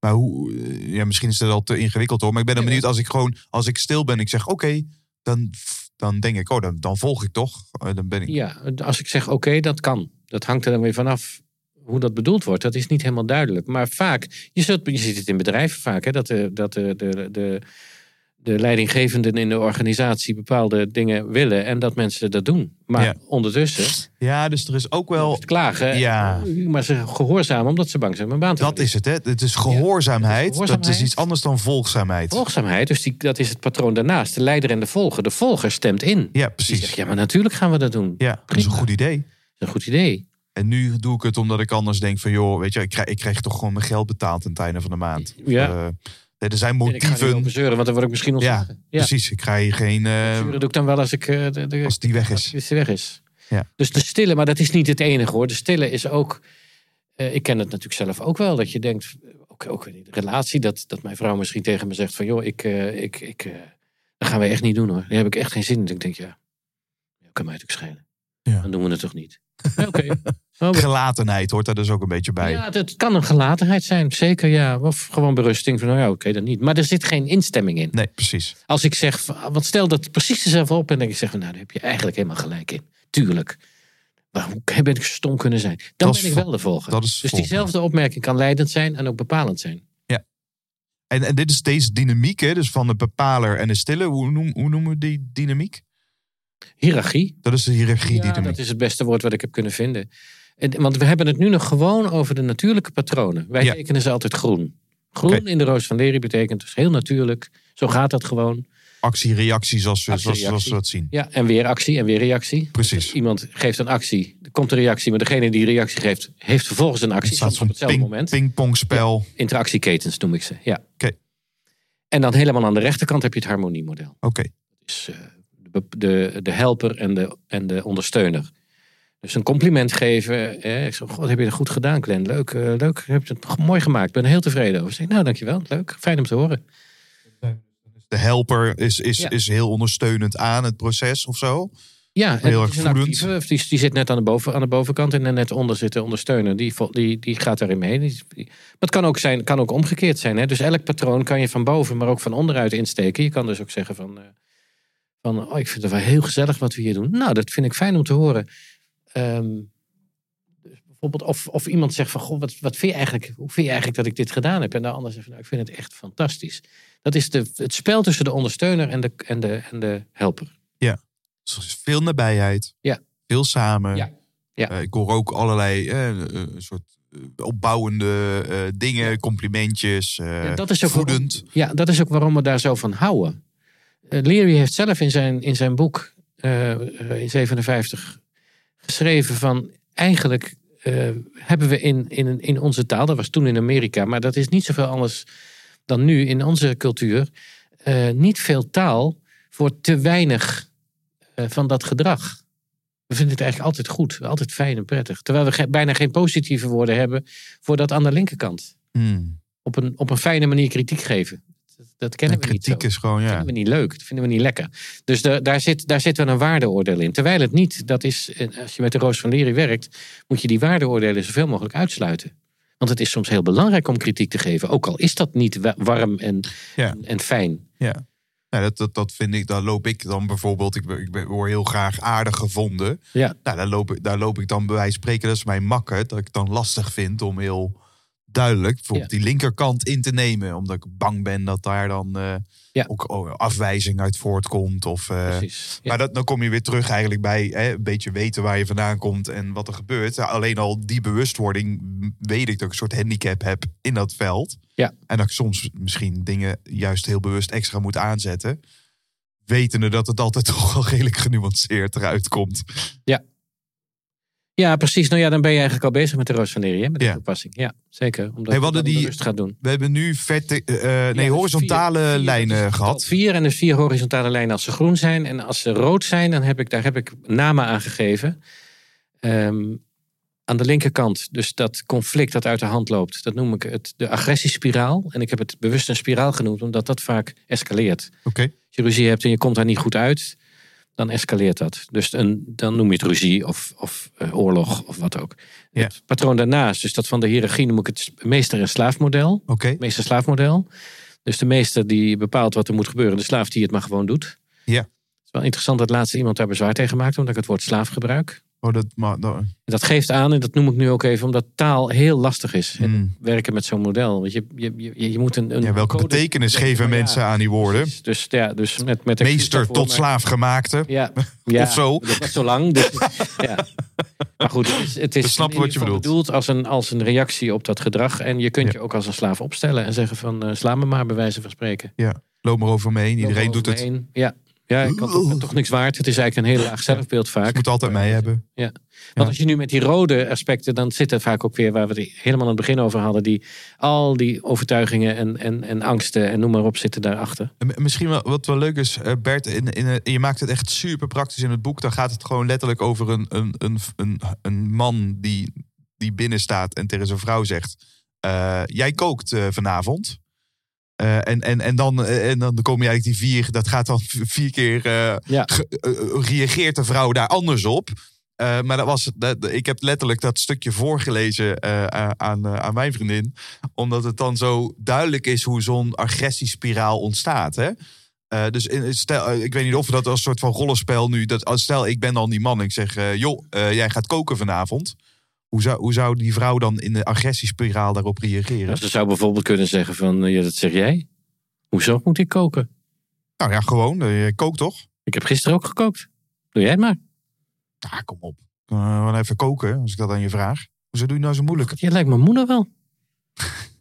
Ja, en dan, hoezo? hoezo en, dan, en dan, dan voel je dat Ja, dan... is- dat, Dit dat was toch genuanceerd? de, de, de, de begin van een ruzie gaat vaak over bijna niks. Het kan escaleren tot iets verschrikkelijks.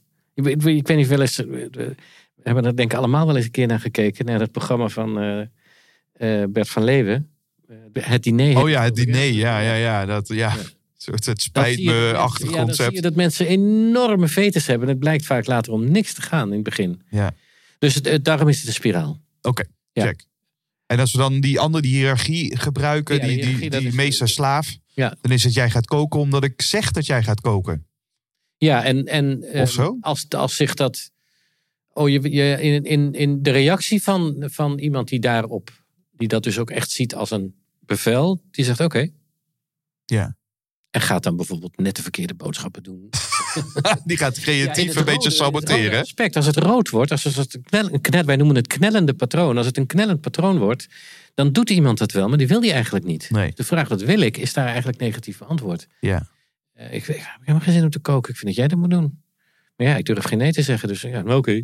Oké, ja, Ja. oké, ja. Precies. Het staat hier de S van slaaf op mijn voorhoofd. Ja. Nou, dat. En, en bij de leider en de volger, het, het- dus het spel van leiden en volgen, als dat gaat knellen, dan krijg je ook hele interessante dingen. Om het maar even van boven naar beneden te doen. Iemand zegt van ja, jij kookt.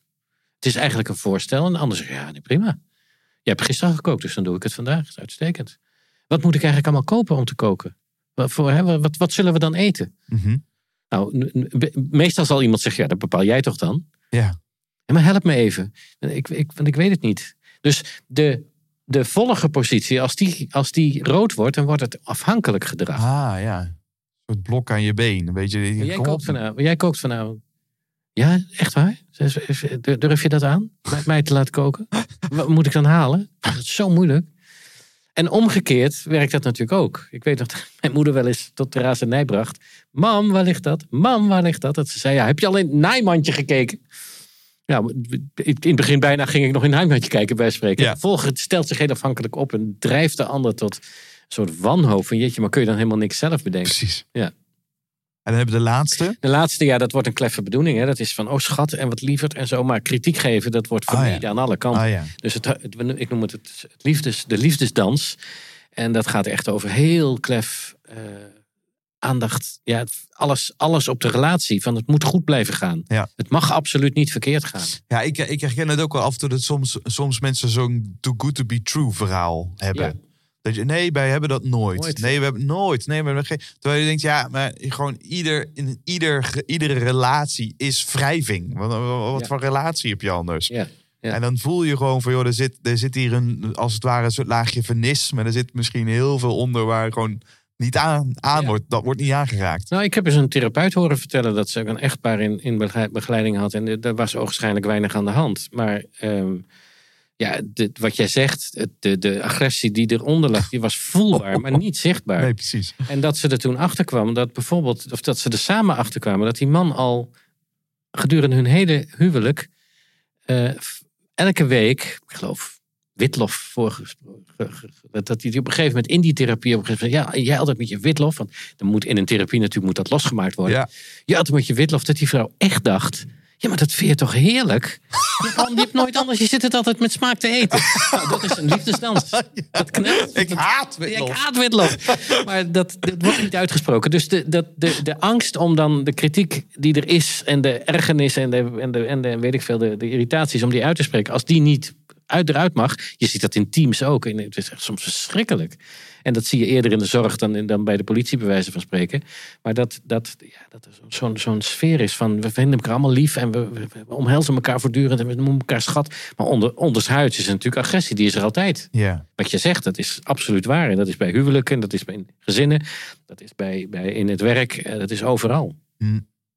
Dus, dus we zien hier heel mooi, dus, dus die vier eh, eh, eh, stijlen, die zijn niet verkeerd. Maar het wordt, het gaat, het wordt een spiraal, het wordt, gaat schuren. Ja, Wanneer dat het knellen, wanneer dat het te veel wordt van Ja, beide kanten. Precies. Oké. Ja. ja. En nou, in ieder geval minstens één. Ja. Je moet minstens één het als knellend ervaren. Ja. En ehm, ik, ehm, wat zou ik zeggen? De, de, ja, het doel van, van het werken met de roos van Lerie, want daar komen we nu eigenlijk op, dat is het bewaken tussen de balans, van de balans tussen eh, afstand en nabijheid. Dat is in feite waar het stuur zit. Je moet altijd kijken van, oh ja, als het in de nabijheid vastloopt, we hebben natuurlijk net een aantal voorbeelden van gegeven. Als het in de nabijheid vastloopt, dan moet je het door afstand oplossen. Dus Ja. als, als, als je merkt van ja, we zitten elkaar gewoon heel erg de hand boven het hoofd te houden, maar daardoor komen we geen stap verder, dan moet iemand op een gegeven moment durven te zeggen van nou, volgens mij slaat het nergens op. En dan zie je dus dat iemand een interventie, eigenlijk een soort ruk maakt Ja. naar een bepaalde kant. Ja. Omwille juist bal- balans te herstellen. Precies. Oké. En dat vraagt natuurlijk eh, soms lef. En ook weten wat je doet. Ja. En het ook kunnen volhouden. Zie je vaak hè, als er bijvoorbeeld een conflict is. En dan moet iemand op een gegeven moment durven zeggen van ja, maar hier vind ik dat je gelijk hebt. Ik kan me heel goed voorstellen dat dit jou heel erg heeft geïrriteerd. Ja. Dat kun jij je helemaal niet voorstellen. Dat je toch blijft, ja, nee, maar dat, dat, dat snap ik dat je dat zegt. En toch meen ik wat ik zeg. Dat is echt Ja. Tot je iemand aan de, echt hebt laten zien, authentiek, eerlijk. Maar ik, ik erken wat, je, wat er met jou aan de hand is. Ik ben het niet met je eens. Dat is even anders. Maar ik erken wel jouw pijn of jouw verdriet. En ik, ik merk eigenlijk, als ik dat zo beluister, hè, dan, dan, dan bemerk ik eigenlijk twee dingen. Deels bij mezelf, maar ook wat ik om me heen zie. Eh, wat hen weerhoudt. Eh, wat ik of zie is dat mensen gewoon één, één voorkeurstijl hebben. En, en, maar ze hebben gewoon al het andere nooit echt ontwikkeld. Dus eh, als er een conflict is, hebben zij gewoon zo los ik het op. En het los ik gewoon of door de, te domineren. Ja, dat is die Eh, automatische piloot. Waar ik Of, het eerder of ik laat me gewoon over me heen lopen. En, dat, en dan, ja, weet je wel, en uiteindelijk is dat maar gewoon, denk ik dan, het lot. Denken mensen dan, eh, die, die, Ja, zo die ben ik voor me is. Zo ben ik nu eenmaal, ja. Zo precies. wordt dat. Of eh Ja. dat zijn ook weer gedachten. Hè? Dus, Oh ja, eh, precies. Zo ben ik nu eenmaal. Gedachten. Ja. Mijn moeder deed het ook zo. Het Gedachten. Ja, dus je hebt het ook geleerd. Maar dat is wat ik de automatische piloot. Oké, dus dat heb je aan de ene kant. En aan de andere kant, hoe zouden we dan het, in dit geval, het voorbeeld dat je net schetst, het ego noemen, die gewoon, die er niet, dus ergens realiseer ik mij wel. Ik, ik moet nu bewegen. Ja. Maar het ego wil er gewoon niet aan. Ik zeg, ik, ik wil gewoon geen, ik wil, ik, ik heb geen zin om me gelijk te geven. Nou ja, als de- dat, is, dat is een aspect van het ego. En dat is, als dat gebeurt, dan is dat altijd gebaseerd op angst. Hmm. In het Engels anxiety. Ja, je, je zegt in het boek, er is anxiety, eh, laat zich niet lekker vertalen in het Nederlands. Nee. Want wij angst. Als je tegen iemand zegt waar ben je bang voor, dan, zul- dan zul je vaak zien, dat heb ik in trainingen natuurlijk vaak gemerkt. Mensen gaan, ja, bang. Want mensen zijn vaak bang dat ze dan voor niet voor vol worden aangezien. En woorden als angst bang, ehm, eh, die, die, ja, die, die maken het.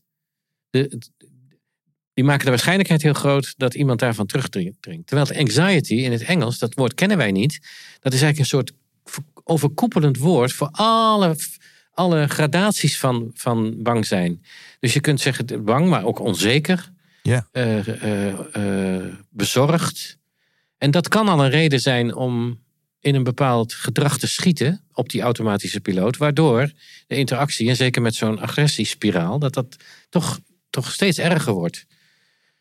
Eh, dus, dus anxiety betekent dat je eh, op een of andere manier niet, niet meer dat doet eh, wat je normaal gesproken zou, ja, zou moeten doen. Dus ja, je, je, Het wordt dus het niet meer helpende coping. En het was misschien vroeger ooit één keer helpend om voor precies, jezelf op te ja. komen, maar nu, nu niet meer. Maar je ziet ook, de, de- dat vind ik altijd zo treurig, hè, de herhaling. Als je het dan hebt over zo'n agressiespiraal. Weet je wel, een, een on, on, onveilige relatie.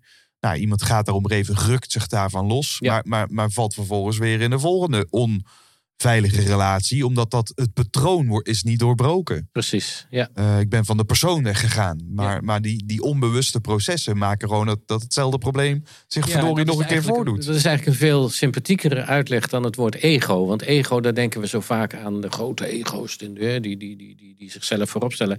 Maar ego is ook, het- het is eigenlijk ook wat je zegt, zelfbescherming en veiligheid zoeken.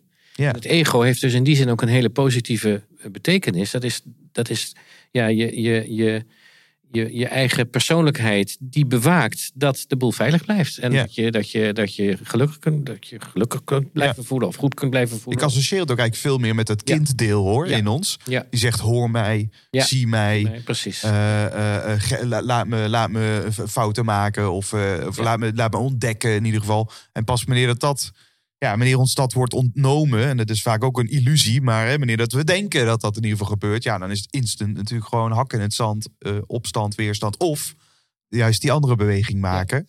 Nou, zeker. En het, dit, dit, dit is mooi dat je dit zo noemt, omdat juist als je aan die linkerkant, dus dat is de kant van de afstand, vastraakt in een conflict of in een, in een onderdrukkingssituatie. En je moet, want dat is de, wij noemen het de interactiesleutel. Ehm, Karin, noemt het, Karin de Galan noemt het eh, eh, tegengesteld interveneren, maar het is precies hetzelfde. Je, je eh, stapt van de ene kant naar de andere kant. Dus je, hebt een, een, je zit in een conflict. De ander is, is, laten we zeggen, agressief. Dat hoeft niet met slaan en, en, en schelden te maken te hebben. Maar je voelt het als een aanval, aanvallend. Ja. En je voelt jezelf in de verdediging gedrukt. Dan schrijft de interactiesleutel voor dat je de helper inzet. Dat, dat ga ik nou niet allemaal precies uitleggen, dat is niet nodig. Maar dat is, dat is wat je dan uit kunt rekenen. Met aan de hand van de Roos van Lerie. Daar wordt het dus een heel praktische, een praktisch kompas. Nou, die helper, die moet dan dus in staat zijn om eh, dat wat jij nu zegt aan te boren bij de ander. Dus die moet kunnen zeggen, misschien met andere woorden hoor. De taal is soms heel cult- cultuur en, en contextafhankelijk. Ja. Maar die moet kunnen zeggen, maar ik begrijp jou. Ik erken jouw pijn of jouw verdriet of jouw boosheid heel erg. Ja. En dat is moeilijk, omdat de ander in zijn boosheid dat waarschijnlijk niet zomaar zal geloven. Dus je moet dan heel authentiek kunnen zijn. Ja, je moet er, ergens moet, die intentie moet er dan ook daadwerkelijk Je moet zijn. daadwerkelijk zijn. En die moet niet alleen verbaal, maar ook non-verbaal en, en energetisch zou ik bijna zeggen, moet die ook voel en zichtbaar zijn. Ja. En dat is best lastig. En dat maakt natuurlijk. Mensen zeggen wel, ja, ik vind het zo ingewikkeld het werken met die Roos van. Ja, dat is ingewikkeld. Ja, nee, mensen zijn ingewikkeld. Ja, exact. Roos Valerie is niet Ja, ingewikkeld per van se. is alleen maar een hele eenvoudige, uit acht taartpuntjes bestaand model. Wat je kan helpen om te zeggen, oké, in die richting moet ik dus mijn, eh, mijn, mijn relatievoorstel, dat is dus een van die acht, inzetten. En dat is in dat geval de helper. Dus iemand valt jou aan, je voelt je, en dat, dat doet dat in jouw ogen, voelt het als een aanval, omdat jij voelt, ik word in de verdediging gedrukt. Dus dan kom ik weer even op mijn drie vragen. Wat ervaar ik? Nou, dat ik in de verdediging schiet. Ik ga zeggen, nee, maar dat is niet waar. hoor. Goh, ja, waarom doe ik dat? Omdat ik me aangevallen voel. Maar dat wil ik helemaal niet. Ik wil niet. Wat wil ik? Nee, ik wil niet in deze Ik heb geen zin in strijd. strijd terechtkomen. Is helemaal niet nodig. Dus ik ga naar de helper. En ik zeg, ja, ik zie dat je, dat je ja, heel erg boos hiervan wordt. En ik ben ontzettend benieuwd, wat, wat maakt dat je zo boos bent? Als je op die toon, en nogmaals, het kunnen hele andere woorden en andere taal zijn. Die toon, dan heb je kans dat de ander dat met jou samen dat patroon doorbreekt. Ja. Dat is dit. Dus dan, dan, dan ben je dus bezig met het herstellen van de balans tussen afstand en nabijheid. Door die ander te manipuleren, zou je kunnen zeggen. Dus met het doel om samen verder te komen. De ander met jou, door middel van jouw gedrag, door die helper in te zetten naar de andere kant te krijgen. Dit is waar de Roos van Lery een sterk En nu, nu begint het, Ja. het spel, eigenlijk zou je kunnen Ja. zeggen. Ja. Is dus snappen dat er in die back and forth, dat er dus die, die, die, die ritmes zijn. Die, eh, nee, hoe noem je het? Jij noemt het eh, Patronen. patronen. Er zijn patronen. Op het moment dat die patronen uitvergroot worden, kom, gaat het knellen. Ja. Dan is het niet meer helpend. En op het moment dat je voelt, oeh, er gebeurt hier iets in de dynamiek. En dat eigenlijk, als je, als je er bewust van bent. eh, Ik, hè, want ik, ik leefde jarenlang in mijn hoofd, Bert. Dat moet ik ook eerlijk zeggen. Alles ging ik gewoon met plusjes en minnetjes, weet je wel, trok uit elkaar. En ik had een, eh, een vriendin. eh, nou, die relatie heeft niet overleefd, maar ze heeft me een wijze les geleerd. Want ik kwam er met allemaal argumenten over waarom we iets wel of niet moet- Ja, ja, moesten ja. doen. En zij luisterde daarnaar. Ze zei, ja, Glenn, ja, ja, ja, ja, ja, ja, heel, ja, ja het, het zou heel, ja, heel verstandig. Ja, het klinkt heel logisch. Eh, maar ik voel hem niet. En ik ging helemaal, ik ging dan helemaal op de vlos. Ik denk, ja, dat is voor mij geen argument. Weet je wel, ik voel hem niet. Maar zij heeft dus eigenlijk me gemanipuleerd eh om, eh, om, om wat meer te voelen. Eh, en sinds dat ik weer voel, voel je ook, wanneer, dat je op dat hellende vlak klomt, dat, zo'n, dat, dat, dat, dat, die, dat er iets gebeurt hè, onder de tafel. Waar je denkt, oeh, ik moet nu iets anders gaan doen. Want als ik op deze manier door blijf gaan, dan, dan is het gewoon einde contact. Ja. dan, dan verliezen we de resultaten die we willen hebben uiteindelijk. En dat is ofwel fijn samen zijn, ofwel onderhandelen. Nou, precies, ofwel... het zijn dat soort doelen waar je, waar je met de vraag wat wil ik nou eigenlijk op moet richten. Ik heb altijd geleerd in dilemma's en conflicten en zo moet je niet kijken naar de actuele dingen, maar juist naar de onderliggende motieven. En dat is, dat is inderdaad veel meer op gevoel dan op ratio. Ja. Maar je hebt de ratio eerst nodig om dit te kunnen analyseren en bekijken. van wat is hier nou aan de hand? En dat is hartstikke moeilijk als je heel emotioneel bent. Ja. Dus vandaar dat dit hartstikke lastig is. Je bent hartstikke eh, ja, geïrriteerd en je voelt je in de verdediging zitten. Maar het kan natuurlijk ook zijn dat je heel erg het gevoel krijgt dat je bang wordt voor de ander. En denkt, oh, ik durf dit absoluut niet. Je baas bijvoorbeeld, die een hele tirade houdt over wat je allemaal verkeerd hebt gedaan. Je denkt, ja, maar dat klopt helemaal niet. Maar je, je, je, je, je, wordt zo, je laat je zo intimideren dat je die ander heel erg de rol van een bepaler geeft. Dan moet je de leiding nemen. Je moet altijd naast de ander gaan staan, in dat model gezien. Dan moet je je leider inzetten. Nou, dat, dat, dat is hartstikke lastig. Ja. En terecht zeg je van als je dat alleen maar rationeel bekijkt, gaat je dat niet lukken. En voelt die ander dat niet. Nee, je moet er heel erg contact maken met je, ja, met je innerlijke drijfveren. Dus je doelstellingen. En daar heb ik eh, eh, een, een tweede roos eigenlijk voor bedacht. Die noem ik de kracht van acht. Elk van die acht eh, mogelijkheden heeft ook een innerlijke kracht Hmm. bij zich. Dus in het eerste voorbeeld, de helper, die heeft de kracht van erkenning. Dus Ja. als iemand heel boos is en ik voel me in de verdediging gedrukt, dan is het belangrijk dat ik besef, ja, maar die ander zoekt naar erkenning. Die valt mij aan omdat hij gewoon wil, ja, hij wil me bij wijze van spreken door mijn strot duwen dat hij gelijk heeft. Die Nou, ja, want hij voelt zich gewoon niet gezien. Daarom, gaat, niet gezien, daarom precies. gaat hij harder roepen. Ja. Ja. Dus ik kan zeggen, ja, maar ik snap heel goed, niet ja maar, ik snap heel goed eh, wat, jij, wat, jou, wat, jij, wat jij bedoelt. Ik Ja. kan me dat ontzettend goed voorstellen. Dat is vaak een zin, als je dat meent, dus dan moet je eerst zorgen dat je het je ook echt kunt voorstellen. Stap even in de schoenen van de ander. Is een, een wijze les van de Indianen. Je moet altijd een, een dag. Wil je iemand begrijpen, dan moet je een dag lang in zijn mokassins lopen, is geloof ik een uitdrukking. Ja. En dat moet je dan kunnen doen. Ik zie die ander boos zijn en daar is iets. Wat is dat? Ik ga dat onderzoeken. Ik wil, Ja. ik wil ook helpen om samen hieruit te komen. Nou ja, dat soort. De, empathische superkracht die Ja, we dan als mensen allemaal ook, ook beschikken. Ja. Eh, misschien minder ontwikkeld. eh, door Nou ja, maar daar zeg je wat. Dat moet je dus ontwikkelen. Ja. Dus in die zin, denk ik, als mensen zeggen, zeker professionals, van ja, ik vind zo'n ingewikkeld model. Nou, dan ben ik, word ik heel enthousiast. Denk Oh, je? Wacht even.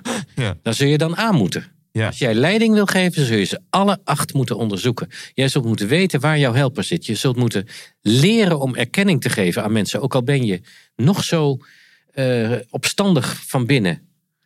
Iemand is voor de zestiende keer te laat op zijn werk. En jij vindt het belangrijk dat iedereen op tijd kan beginnen. In een productiebedrijf, ik zeg maar wat. En iemand is voor de zoveelste keer te laat. 16 is wel heel veel. Voor de zoveelste keer te laat. Dan, dan moet er iets in jou zijn die zegt: Ik ga eerst onderzoeken. Ik ga eerst kijken of ik kan helpen. Wat is er dat jij elke keer te laat komt? Ja.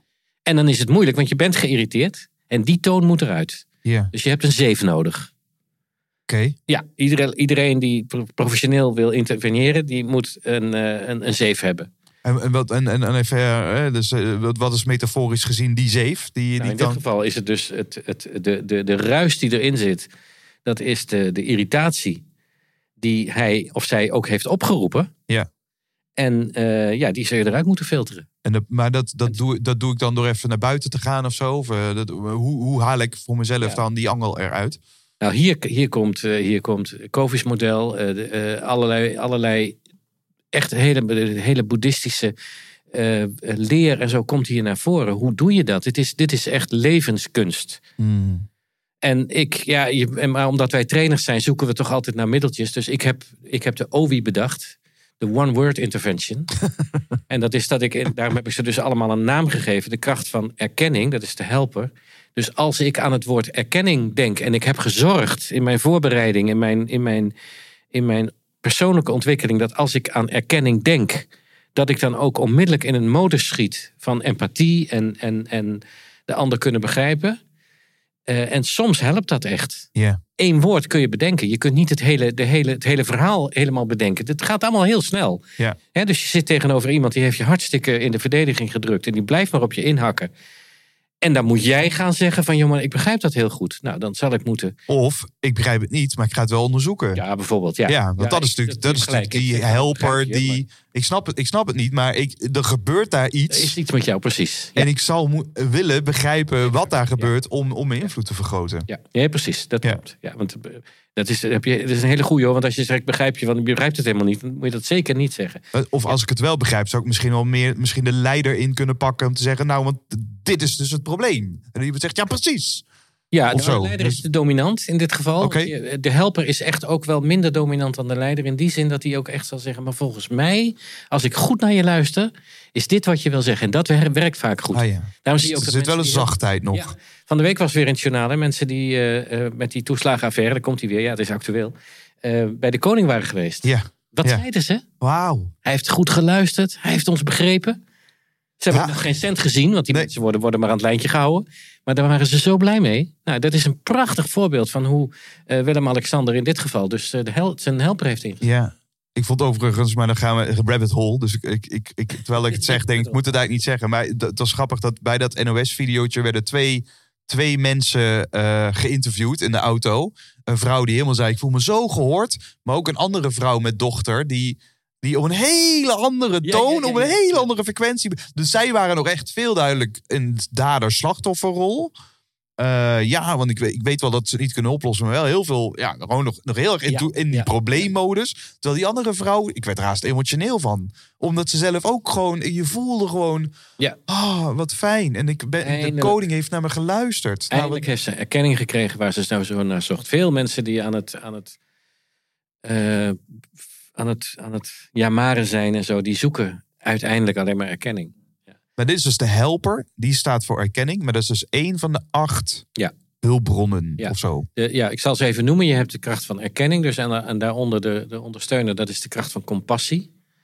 Dus dat je echt, compassie is een heel interessant begrip. Ik noem het altijd de moeder van alle krachten. Want compassie, eigenlijk moet je alles met compassie kunnen doen.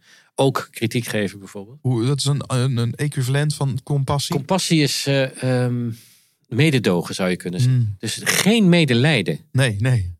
Mededo of mededogen, dus compassie, dat is dat je, dat je echt, zonder dat je er iets voor terug hoeft te hebben, je in de ander verplaatst. De helper moet dat ook met die erkenning. Maar compassie is nog meer, is minder dominant. Het is echt helemaal voor de ander, ehm, ja, je kunnen voorstellen wat er met iemand aan de hand is. Dan ben je nog zo kwaad of nog zo, eh, ja, Ja. compassie.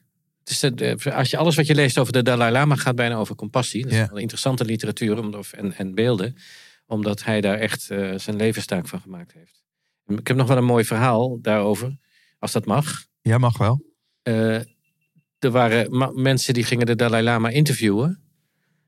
in Dar es Salaam, Dar es Salaam, waar die woont. En toen kwamen ze onderweg. En zagen ze een man die een hond stond te slaan. Het waren journalisten. En toen zeiden ze tegen elkaar: van, ja, dan gaan we de Dalai Lama interviewen over compassie. Wat moeten we nou met deze situatie? Ja. Nou ja, zeiden ze, we leggen het hem voor. Dus ze zeiden, wat moeten we ermee? Want we waren zo kwaad, we hadden die man wel, wel willen lynchen bij wijze van spreken. Want hij stond die arme hond te slaan. En toen zei de Dalai Lama, compassie is dat je hetzelfde meegevoel hebt, gevoel hebt voor die hond als voor die man. Of voor die man als voor die hond. Ah ja. Dus met andere woorden, compassie kun je ook, ook opbrengen voor mensen die zich wanstaltig gedragen. Maar dat je kijkt van waar komt het vandaan? Of wat niet wil zeggen dat zo iemand niet gestraft hoeft te worden. Hè? Het, compassie Niet dat hij niet verant- verantwoordelijk gehouden hoeft te worden. Nee, precies. Voor zijn Ja. daden. Nee, dat is absoluut niet aan de orde. Maar het is dat je je kunt verplaatsen in anderen. En dat je niet ook dus dan te snel een oordeel hebt. Ja. Ja, ja, fijn. Dus dat is de, is de kracht van compassie. De volger is de kracht van aanpassing. Dus om de leider te kunnen volgen, is het soms nodig om, aan- om je aan te passen. Nou, ik vind een mooi voorbeeld als we gaan, gingen zeilen vroeger. Ik kon het niet, maar ik ging wel mee. Dus ik, eh, ik, eh, ja, ik, ik was soms wel dat ik denk, god, maar ik ben, ik ben nou wel het lulletje op de, hè, want het was een vriendengroep en er waren wel echt wel gelijkwaardige mannen. Maar op diezelfde was echt het lulletje, want ik kon het gewoon absoluut niet. Nou, dat is dus dat je je echt aanpast aan het feit dat de ander de leider is. En dat je dus ook instemt met wat hij tegen je zegt. Ja. En dat is me wel eens, eh, dat heeft me volgens mij wel eens mijn leven gered. Was die Griek dan ineens aankomt zwaaien en hij zegt, bukken! Dat je dat niet zegt oh, oh, oh, oh, Hoezo? Een tok. Dus de volger die stemt in, maar dat is de kracht van aanpassing. Maar dat is ook als je een leider hebt en je hebt iemand de verantwoordelijkheid gegeven over iets, dat je dan ook bereid bent om, eh, om dat te volgen. Ja. Dus de volger past zich aan. De, de, de, de kracht van stilte, de stille, dus dat is tegenover de bepalen. De kracht van stilte. Het is soms zo belangrijk om eens even je kop te houden en het aan anderen over te laten. Oh, eens kijken wat die vinden. man. Dat je anders heel moe wordt, maar bovendien soms ook niet, echt niet de wij, alle wijsheid in pacht hebt. Dus het is voor sommige nogal dominante mensen die, zich, die hun, hun, op hun automatische piloot snel automa of, eh, dominant worden, heel goed om zich ook eens gewoon terug te trekken. Ja. Eens even aankijken. De kracht van stilte. En echt jong, eh, de, de, de mensen, eh, als, zelfs als spreker, of, eh, eh, want dat, dan gaat het over spreken, eh, maar zelfs als echt misschien de belangrijkste interventie die ik afgelopen jaren heb geleerd, is om, om op de juiste momenten gewoon mijn kop te houden. Ja. Liefdevol gewoon wel in verbinding te blijven. Ja. En dan zie, je, dan zie je de mooiste dingen gebeuren. Ja. Want dan gebeurt het werk aan die aan de andere kant. Of, of, of, of het, eh, anderen voelen zich uitgenodigd. Eh, hè, dat vind ik zo mooi dat deelnemers elkaar een gegeven moment gaan coachen. En dat ik alleen nog maar als soort van scheidsrechter bezig hoef te zijn met de zuiverheid van de feedback. Eh, maar dat vind, is weer heel leerzaam voor die deelnemers die op elkaar. maar dan zie je, wow, weet je wel. Ja. Dan is er synergie. En het enige wat ik eerder niet deed, is te snel antwoord geven. Dan kwam er een vraag en dan, eh, nou, weet je wel, dan begon, ging ik al helemaal los. ken Dat, hoor. Ja, zeker. En dan, nou ja, en nu denk ik, eh, vraag is voor mij instant. Niet altijd hoor, soms door middel van de tijd. Of, maar eh, contextafhankelijk. Maar anyhow, KD-techniek, kop dicht in mijn hoofd. Ja, KD-techniek. Heel helpend. Nou, dit is weer zo'n one-word intervention. Dus als jij jezelf leert, KD-techniek betekent kop houden. Ja. Dan kan dat ene woordje kan jou helpen om dat op het juiste moment te doen. Ja. Dus een mooi voorbeeld vind ik dit. Ik, ik zoek altijd naar voorbeelden van die eh, one-word interventions, de OI's. Ehm, bij de stille is dat een KD. Ik ga het ophouden. Oké, top. Leuk. Copyright, Glenn. Ja, dus de KD-interventie. Eh, de, de opstandige is ook een interessante. Dus die, dat is nogmaals de verdedigende houding. Als je, eh, als je die nodig hebt, als je je dus echt moet verdedigen tegen dingen die je niet wilt. Die krachten gaan dus vooral over hoe kun je ze inzetten. Hè? Hoe kun je Ja. ze op het moment dat het heel lastig is. Dus als je bang bent om de relatie te verstoren. Dus je, je hebt te maken met iemand die heel erg ondersteunend is. Lief voor je is, aardig voor je is. En toch zegt, ja, maar toch zal ik kritiek moeten geven. Ik zal er tegenin moeten gaan. Dan is dat de kracht van eh, uniciteit. Durven uniek te zijn Hmm. tegen de stroom in durven gaan. En dat kan heel lastig zijn, zeker in een groep. Dat je, eh, er zijn veel experimenten gedaan, eh, psychologische experimenten, dat mensen bijvoorbeeld in een, in een ruimte zitten en iedereen eh, is onderdeel van het onderzoek. Dat weet jij niet. Je denkt dat je met allemaal Ja, gelijk. ja, precies. Je Jij wordt bent de enige die de proefpersoon is. Ja, En er wordt rook onder de deur geblazen. En Precies. er zijn maar weinig mensen die dan durven zeggen van we gaan hier weg. Een lift die om een paal, hè, dat iedereen Ja, zo dat omdraait. Er zijn heel veel van die testjes voor. testjes, ja. Maar het is wel, het is dus interessant dat, eh, ik moet ook een beetje denken aan de stem van de minderheid, durven horen. Maar dat is ook gewoon, als je het hebt over jezelf. ja, Als iedereen het ergens mee eens, eens is en jij voelt gewoon, het zit me niet lekker. Heb je dan het vermogen om dan te zeggen, jongens, het antwoord heb ik niet. Het voelt niet oké. Ja. Dat je dan je laat horen, is dat die Dat de stijl? van. Oké. ja. Dus dat is dan, en want dat, dat roept mogelijkerwijs ook agressie op bij anderen. Ja, nee joh, houd toch op, jij, dit is helemaal niet nodig. Nee, Ja. helemaal niks aan de hand. Nou, dat- dat- ga jij bij muggen ziften? Weet Ja, je, dat is dan als een inderdaad. aanval. Ja. Ja. Dus het is nogmaals, het is de ontvanger die bepaalt. Dus dat, dat, dat risico loop je. Eh, en zeker als dat op langere termijn, je ziet het natuurlijk bij, eh, bij middelbare scholieren ook en zo, dat je in een groep niet durft te onderscheiden, omdat je bang bent dat je er dan niet meer bij hoort. Dus de kracht van uniciteit is dat je ook jezelf durft te zijn in dat eh, verband. De, de, daarboven de, de, het aanvallende gedrag, dus de grenzensteller, dat is de kracht van assertiviteit. Hmm. Dus dat is gewoon duidelijk grenzen kunnen stellen. Eh, Jan Schouten heeft ons allemaal geleerd eh, toen hij zijn eh, assertiviteitstrainingen ontwikkelde. eh, assertiviteit is voor jezelf op durven komen zonder de relatie te schaden. Dus Ja. dat kan als dat groen is, zonder dat je de relatie kapot maakt. Ja. Maar assertiviteit is wel dat je de grens duidelijk aan. Ja. Daarom noemen wij hem ook de grenzensteller. Mooi. En de bepaler, dat is de kracht van duidelijkheid. Oké. En dit is wat we gaan doen. de koers bepalen. Ja. Gewoon de Ja, dit is het. Zo gaan we het doen. knopen doorhakken. En het kan mij dus niet schelen. Je hoeft me niet te volgen. Nee. Als je maar als je maar doet. Als je maar doet wat ik. Als je maar gewoon gaat doen wat ik zeg. Gehoorzaam bent. Ja. Dat is wat de bepaler wil. Nou, en in sommige gevallen, of je nou eh, ouder bent of, eh, of, of leidinggevende, in sommige Of gevallen, trainer. of trainer. Ja, dat is gewoon goed. We gaan, we gaan nu dit doen. Ja, ga maar staan. Dokter, eh, eh, eh, verpleegkundige. Elk, in elk beroep kom Ja. je tegen dat je duidelijk moet zijn.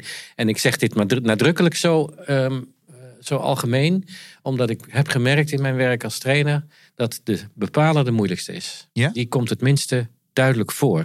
Er zijn natuurlijk veel mensen met grote ego's die heel dominant zijn. En, maar die schieten vaak door. Die veroorzaken knellende patronen. Dus het wordt heel snel rood gedrag Ja, in plaats van groen. rood gedrag. Maar de, de, bepa- de, de bepaler in zijn effectieve vorm, die zie ik heel weinig. En ik kan me ook voorstellen dat het altijd. Dat het, hè, kijk, als ik, mij, als ik mij een beetje in die helperrol verhoud.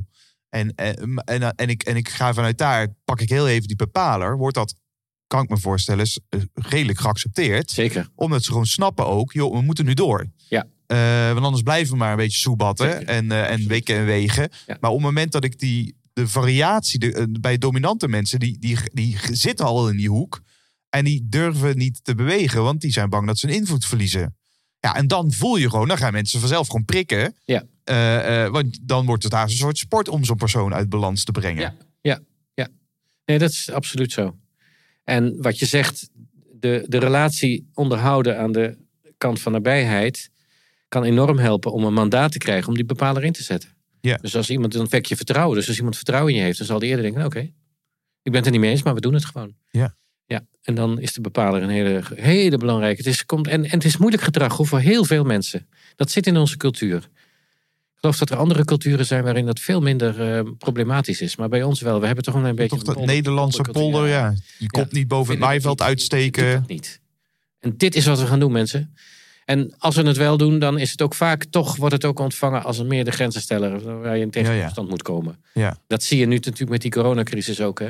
We gaan ons toch echt niet laten voorschrijven dat we ons moeten laten vaccineren. Waarmee ik niet wil zeggen dat daar allemaal, dat, dat allemaal is. de in, inhoud niet in. Maar, niet maar het is inderdaad wel grappig dat niet. je ziet wel dat er een de. Nederlander laat zich niet graag de Ja, wet precies. voorschrijven. Dat zie je nu toch wel heel duidelijk. Ja. Nou ja, dat is daar een voorbeeld van. Beetje koppig. En de laatste is de. Maar je kunt dus ook zeggen, zonder, want om het, om het even compleet te maken, dat de, de bepaler ook niet duidelijk genoeg is. Er wordt ook vaak gezegd: de overheid is niet duidelijk, heeft geen, geen heldere koers.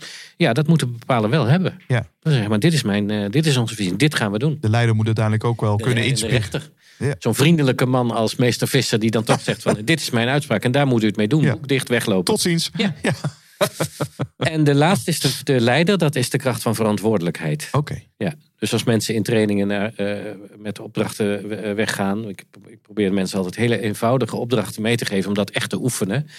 eh, dan is de, de leider is echt de kracht van verantwoordelijkheid. Zorg dat je goed weet waar je het over hebt. Zorg dat je weet wat je wilt. Zorg dat je, dat je, dat je inspirerend kunt zijn om mensen mee te krijgen, om volgers op te roepen in jouw ideeën. Ja, dan hebben ze alle acht gehad. Wauw. Nog één keer eh, alle acht, want dan vind ik het wel mooi om De even... helper is de kracht van eh, eh, erkenning. De krachten, die, die mogen Ja. wel uitlichten. Die vind ik wel, ja. kracht van erkenning. De ondersteuner is de kracht van compassie. De volger is de kracht van aanpassing. De stille is de kracht van stilte.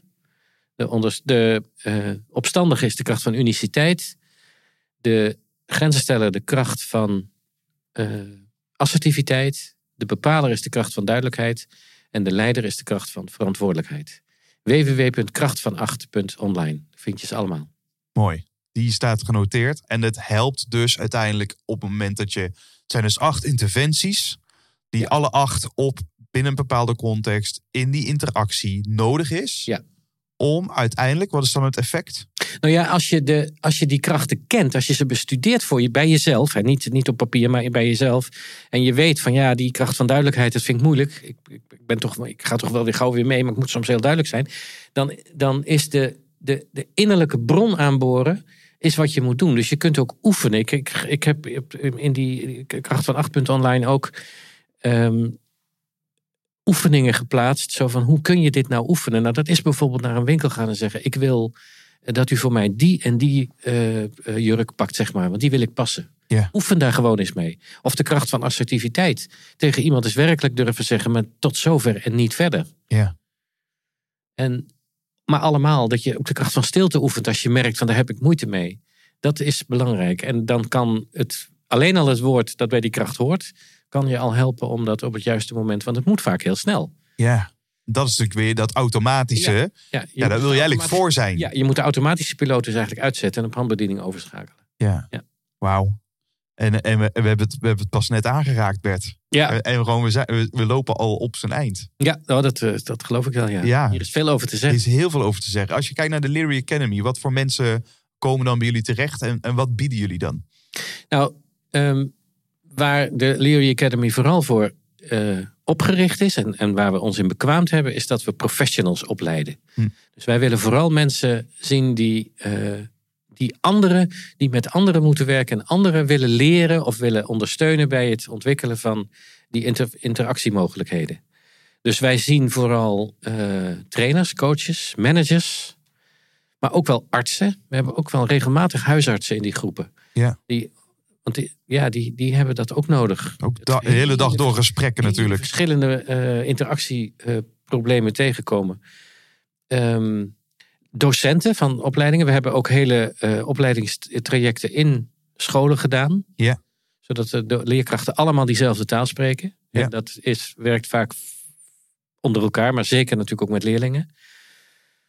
Ehm, dat zijn de mensen. En, en wat, wat, wat kunnen ze zo, wat is bijvoorbeeld, eh, nou ja, als ik, als ik bij jullie eh, eh, terechtkom, wat, wat kan ik dan doen? Nou, wij hebben jullie aan? in ieder geval twee belangrijke opleidingen. Dat is een basisopleiding.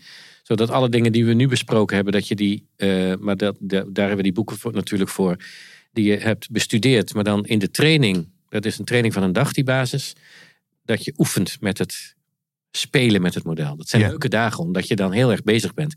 Lekker je experimenteren. Ja, je ziet hier een kleed liggen op de grond. Eh, Ja. Het kleed, dat is een heel belangrijk, dat is onze, onze horizontale flip over. En het voordeel ervan is dat je er overheen kunt lopen. Ja. En we hebben een driedaagse. Daarin, eh, dat is een vervolgopleiding. Daarin leer je echt de achtergronden kennen. En leer je er ook eh, zelf ja, het zo goed doorgronden. Aan de hand van je eigen casuïstiek, maar ook die van anderen. Dat je het op anderen kunt overbrengen. En we gebruiken daar ook een eh, interpersoonlijkheidsprofiel bij, de IPP. Dat is een test. Een gevalideerde interpersoonlijkheidstest. En die geeft ook een beeld van waar jouw eh, voorkeurstijlen in de interactie en je minder goed ontwikkelde stijlen zitten. Zodat je dus met behulp van de Roos van Lery en de kracht van acht dat kunt gaan ontwikkelen. Precies. Dat is wat we, wat we mensen leren en dus ook leren leren. Leren leren, want dan, da- dan gaat de impact natuurlijk omhoog. Als je Ja. mensen eh, begeleidt die het vervolgens, die, die iedere dag weer al met andere mensen bezig zijn. En het is, on- het is natuurlijk bijna onnodig om te zeggen dat wij veel trainers en coaches in onze opleidingen zien.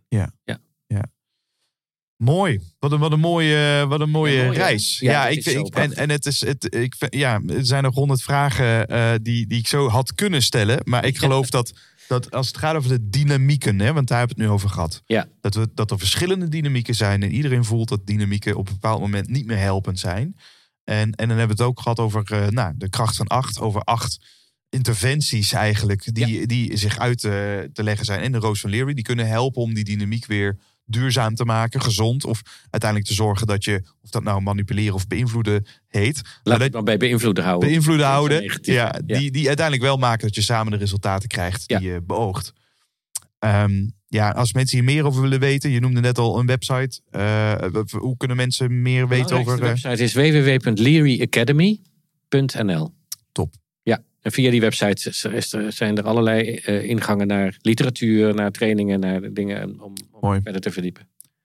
Eh, Bert, ik eh, wil je alvast bedanken voor, voor dit leuke gesprek. Graag gedaan.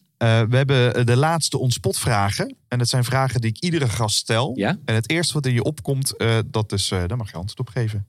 oké. Ja, ready? Ja. Wat is een boek wat je enorm heeft geïnspireerd? Of wat je misschien cadeau hebt gegeven aan anderen? Ehm, ik zie een giegel. Ben ik benieuwd wat er in jou wat omgaat. me opkomt is, dit is beïnvloed anderen begin bij jezelf. En dat is vervelend, want dat, is, dat lijkt reclame. Maar ik vind echt... Ja, ik ben lyrisch. dus ja, ik... Lyrisch over eh, lyrie. ontzettend, ja. ja. Nou ja, en ik wil nog wel een heel ander iets noemen. Ik ben het op het ogenblik aan het lezen. Er zijn twintig delen, dus dat is veel. Dat zijn de verhalen van eh, Special Agent Pendergast. Dat zijn, Engels, dat zijn Engelse auteurs, nee, Amerikaanse auteurs. Die schrijven over een special agent. Ik ga er verder niet op in, maar die kan ik iedereen aanraden. Ja, dat zijn leuke, als je van thrillers Ja, houdt. dit zijn- eh, zijn echt goede. mooi. Ja. Wat is een mythe over interactiekunde waar we echt vanaf moeten? Nou, dat je dit gewoon even door de Roos van Lery toe te passen eh, kunt doen. Het, de, de, de, er s- er zit zoveel meer aan. Ik hoop dat ons gesprek, en dat denk ik echt, want ik vond het een heel fijn gesprek. Maar dat, dat het dat wel duidelijk heeft gemaakt. Het gaat over veel meer dan alleen maar gedrag. Mooi. Eh, wat is, eh of Bertje mag een uithangbord plaatsen waar miljoenen mensen langskomen. Wat zou jij op dat uithangbord plaatsen? www.learyacademy.nl Ja, echt. Ja.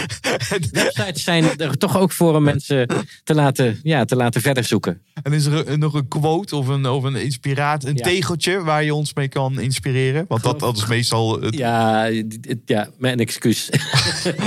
geeft niet hoor, maar ik geef je tweede kans. Tweede kant. Geloof niet alles wat je denkt. Hmm. Ja. ja, Hij mooi. is al eerder voor, voor Ja, mij gekomen. mooi. Maar dat Maar is mooi dat hij nog een die. Bert, als, als anxiety zelf geen rol speelt in jouw leven, wat voor keuze zou je dan maken?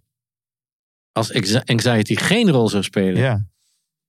welke keuze zou ik dan maken?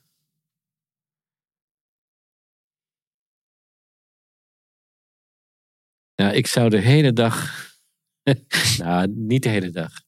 Maar ik zou veel meer tijd achter mijn vleugel doorbrengen en Beethoven spelen. Ja? Ja. Want muziek is ook een liefde, is- grote liefde. dat- ik ben, daar, ben ik, daar ben ik nog lyrischer over. Ja. En dan vooral Beethoven, dat is altijd al mijn grote liefde geweest. Dus ja, ik, ik denk dat als het helemaal geen rol zou hebben gespeeld, dan zou ik dus ook niet geen zorgen hebben gehad over inkomen. En ik weet het allemaal niet.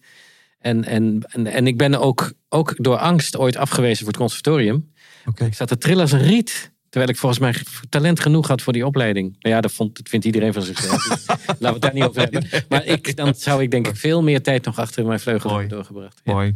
Eh, wie is voor jou een persoonlijke idool of inspiratiebron? Eh, dat is professor Dr. David Bohm. B-O-H-M. Dat hele, mijn hele ontwikkeling over het denken, waar ik nog steeds heel erg veel mee bezig ben, omdat ik het ook zo ontzettend boeiend vind. Ja. Natuurlijk omdat ik het zelf ook doe en, en, en in mijn werk steeds tegenkom bij anderen. Nou, David Bohm heeft onder andere een, eh, is een publicatie van hem, of het zijn eigenlijk lezingen van hem, die zijn samengevat, nou weergegeven eh, in, in dialoog met eh, studenten. Dat heet Thought as a System, Denken als systeem.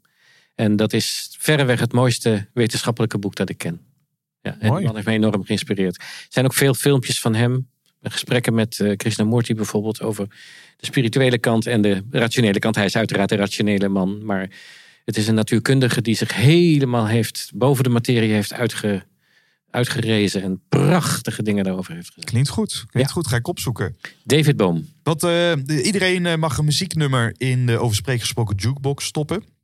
Het, het voelt nu als schot voor open doel dat er iets van Beethoven in moet. Maar eh, wat voor, je mag zelf kiezen welk muzieknummer eh, stop jij in de over spreek Nee, gesproken ja, precies. Nee, ik wil niet, niet mensen niet, niet direct met Beethoven. De, de, de- wie ervan houdt, die weet het toch wel. Nee, ik, eh, wat, wat ik wel een leuke vind, is. eh, dat heeft ook wel met mijn eigen geschiedenis te maken. Is Legends of a Mind van de Moody Blues. Een heel oud nummer. Mhm. En het begint. Het eerste, de eerste twee woorden zijn Timothy Leary. Timothy Leary is dead. Timothy Leary is dead. Heel mooi nummer. Heel, heel fijn. En dat gaat over deze man. Dus Mooi. Stoppen we, die stoppen we die in de jukebox. De allerlaatste vraag is de college tourvraag. Eh, als iemand aan de slag zou willen als eh, nou, interactiekundige, in ieder geval zichzelf wil eh, verbeteren eh, in de dynamiek van de communicatie. wat zou jij dan als advies meegeven? Dat is een mooie eerste stap. Nou, behalve natuurlijk het voor de hand liggende dat je een basistraining bij ons komt volgen. Dat, is, dat vind ik ook echt. Maar ik, de eerste stap is ehm, je toch verdiepen in je eigen mogelijkheden. Neem niet genoegen met die automatische piloot, maar breid die uit. Ga inzien dat je veel meer mogelijkheden hebt. Als je denkt van ja, ik ben maar een beetje stil. De uitdaging is, ga die dominante rol van jezelf, die dominante mogelijkheden van jezelf exploreren. Oefen ermee. Doe dat op kleine schaal. Zet kleine stapjes. Zeg ik in trainingen ook altijd. Niet te grote stappen zetten, want dat is een valkuil. Want dan ga je het niet doen. Nee. Denk je, het mislukt toch. Nee, dus kleine stapjes, maar onderzoek de vele mogelijkheden. En de kracht van acht geeft daarvoor een, eh, vind ik, een heel handig eh, ja, een leid- Hulpmiddel. leidraad. Ja. Ja. Om dan maar de piano nog eens eh, tot slot eens metafoor erin te gooien. En je ver- verken je palet. Weet je, er zijn zoveel octaven. absoluut. En we spelen maar een paar tonen. Ja, ja. Er zijn veel meer tonen die jij kunt bespelen. Oh, zeker. Ja. Ja. ja. Er zijn acht octaven waar je je helemaal in kunt uitleven. En nou, nou toch de uitsmijter. de- als, je, als je Beethoven zijn muziek bekijkt, dan zie je dat hij alle octaven eh, echt helemaal heeft uitge, uitgewoond, bij wijze van spreken. Ja, Bert, dankjewel voor dit gesprek. graag gedaan. Jij ook bedankt. Hallo lieve luisteraar, je bent aan het einde gekomen van deze aflevering en ik wil jou heel erg bedanken voor het luisteren. Ook de gast van deze aflevering wil ik van harte bedanken voor alle waardevolle inzichten. En vond jij het nu ook een waardevolle aflevering? Laat me dat dan weten. Maak even een connectie aan via LinkedIn. En als je dat wilt, waardeer ik het enorm als je een review wilt achterlaten op je favoriete podcast-app. Dat helpt namelijk om de zichtbaarheid te vergroten, zodat we samen korte metten maken met plankenkoorts en leren spreken met meer impact. Wil je meer informatie over de podcast? Check dan mijn website www.glenvergozen.nl. En wil je zelf ook praten met resultaten? Dat kan. Ga dan naar www.desprekersregisseur.nl en meld je aan voor de gratis Online Sprekers Academy. Dit is een gratis online training met de negen beste lessen van twee jaar over spreken gesproken podcast. De missie van de Over Spreken Gesproken podcast is om jou te helpen je stem te vinden, zodat jij anderen kunt inspireren datzelfde te doen. Ik wil je heel erg bedanken voor het luisteren en graag tot de volgende aflevering.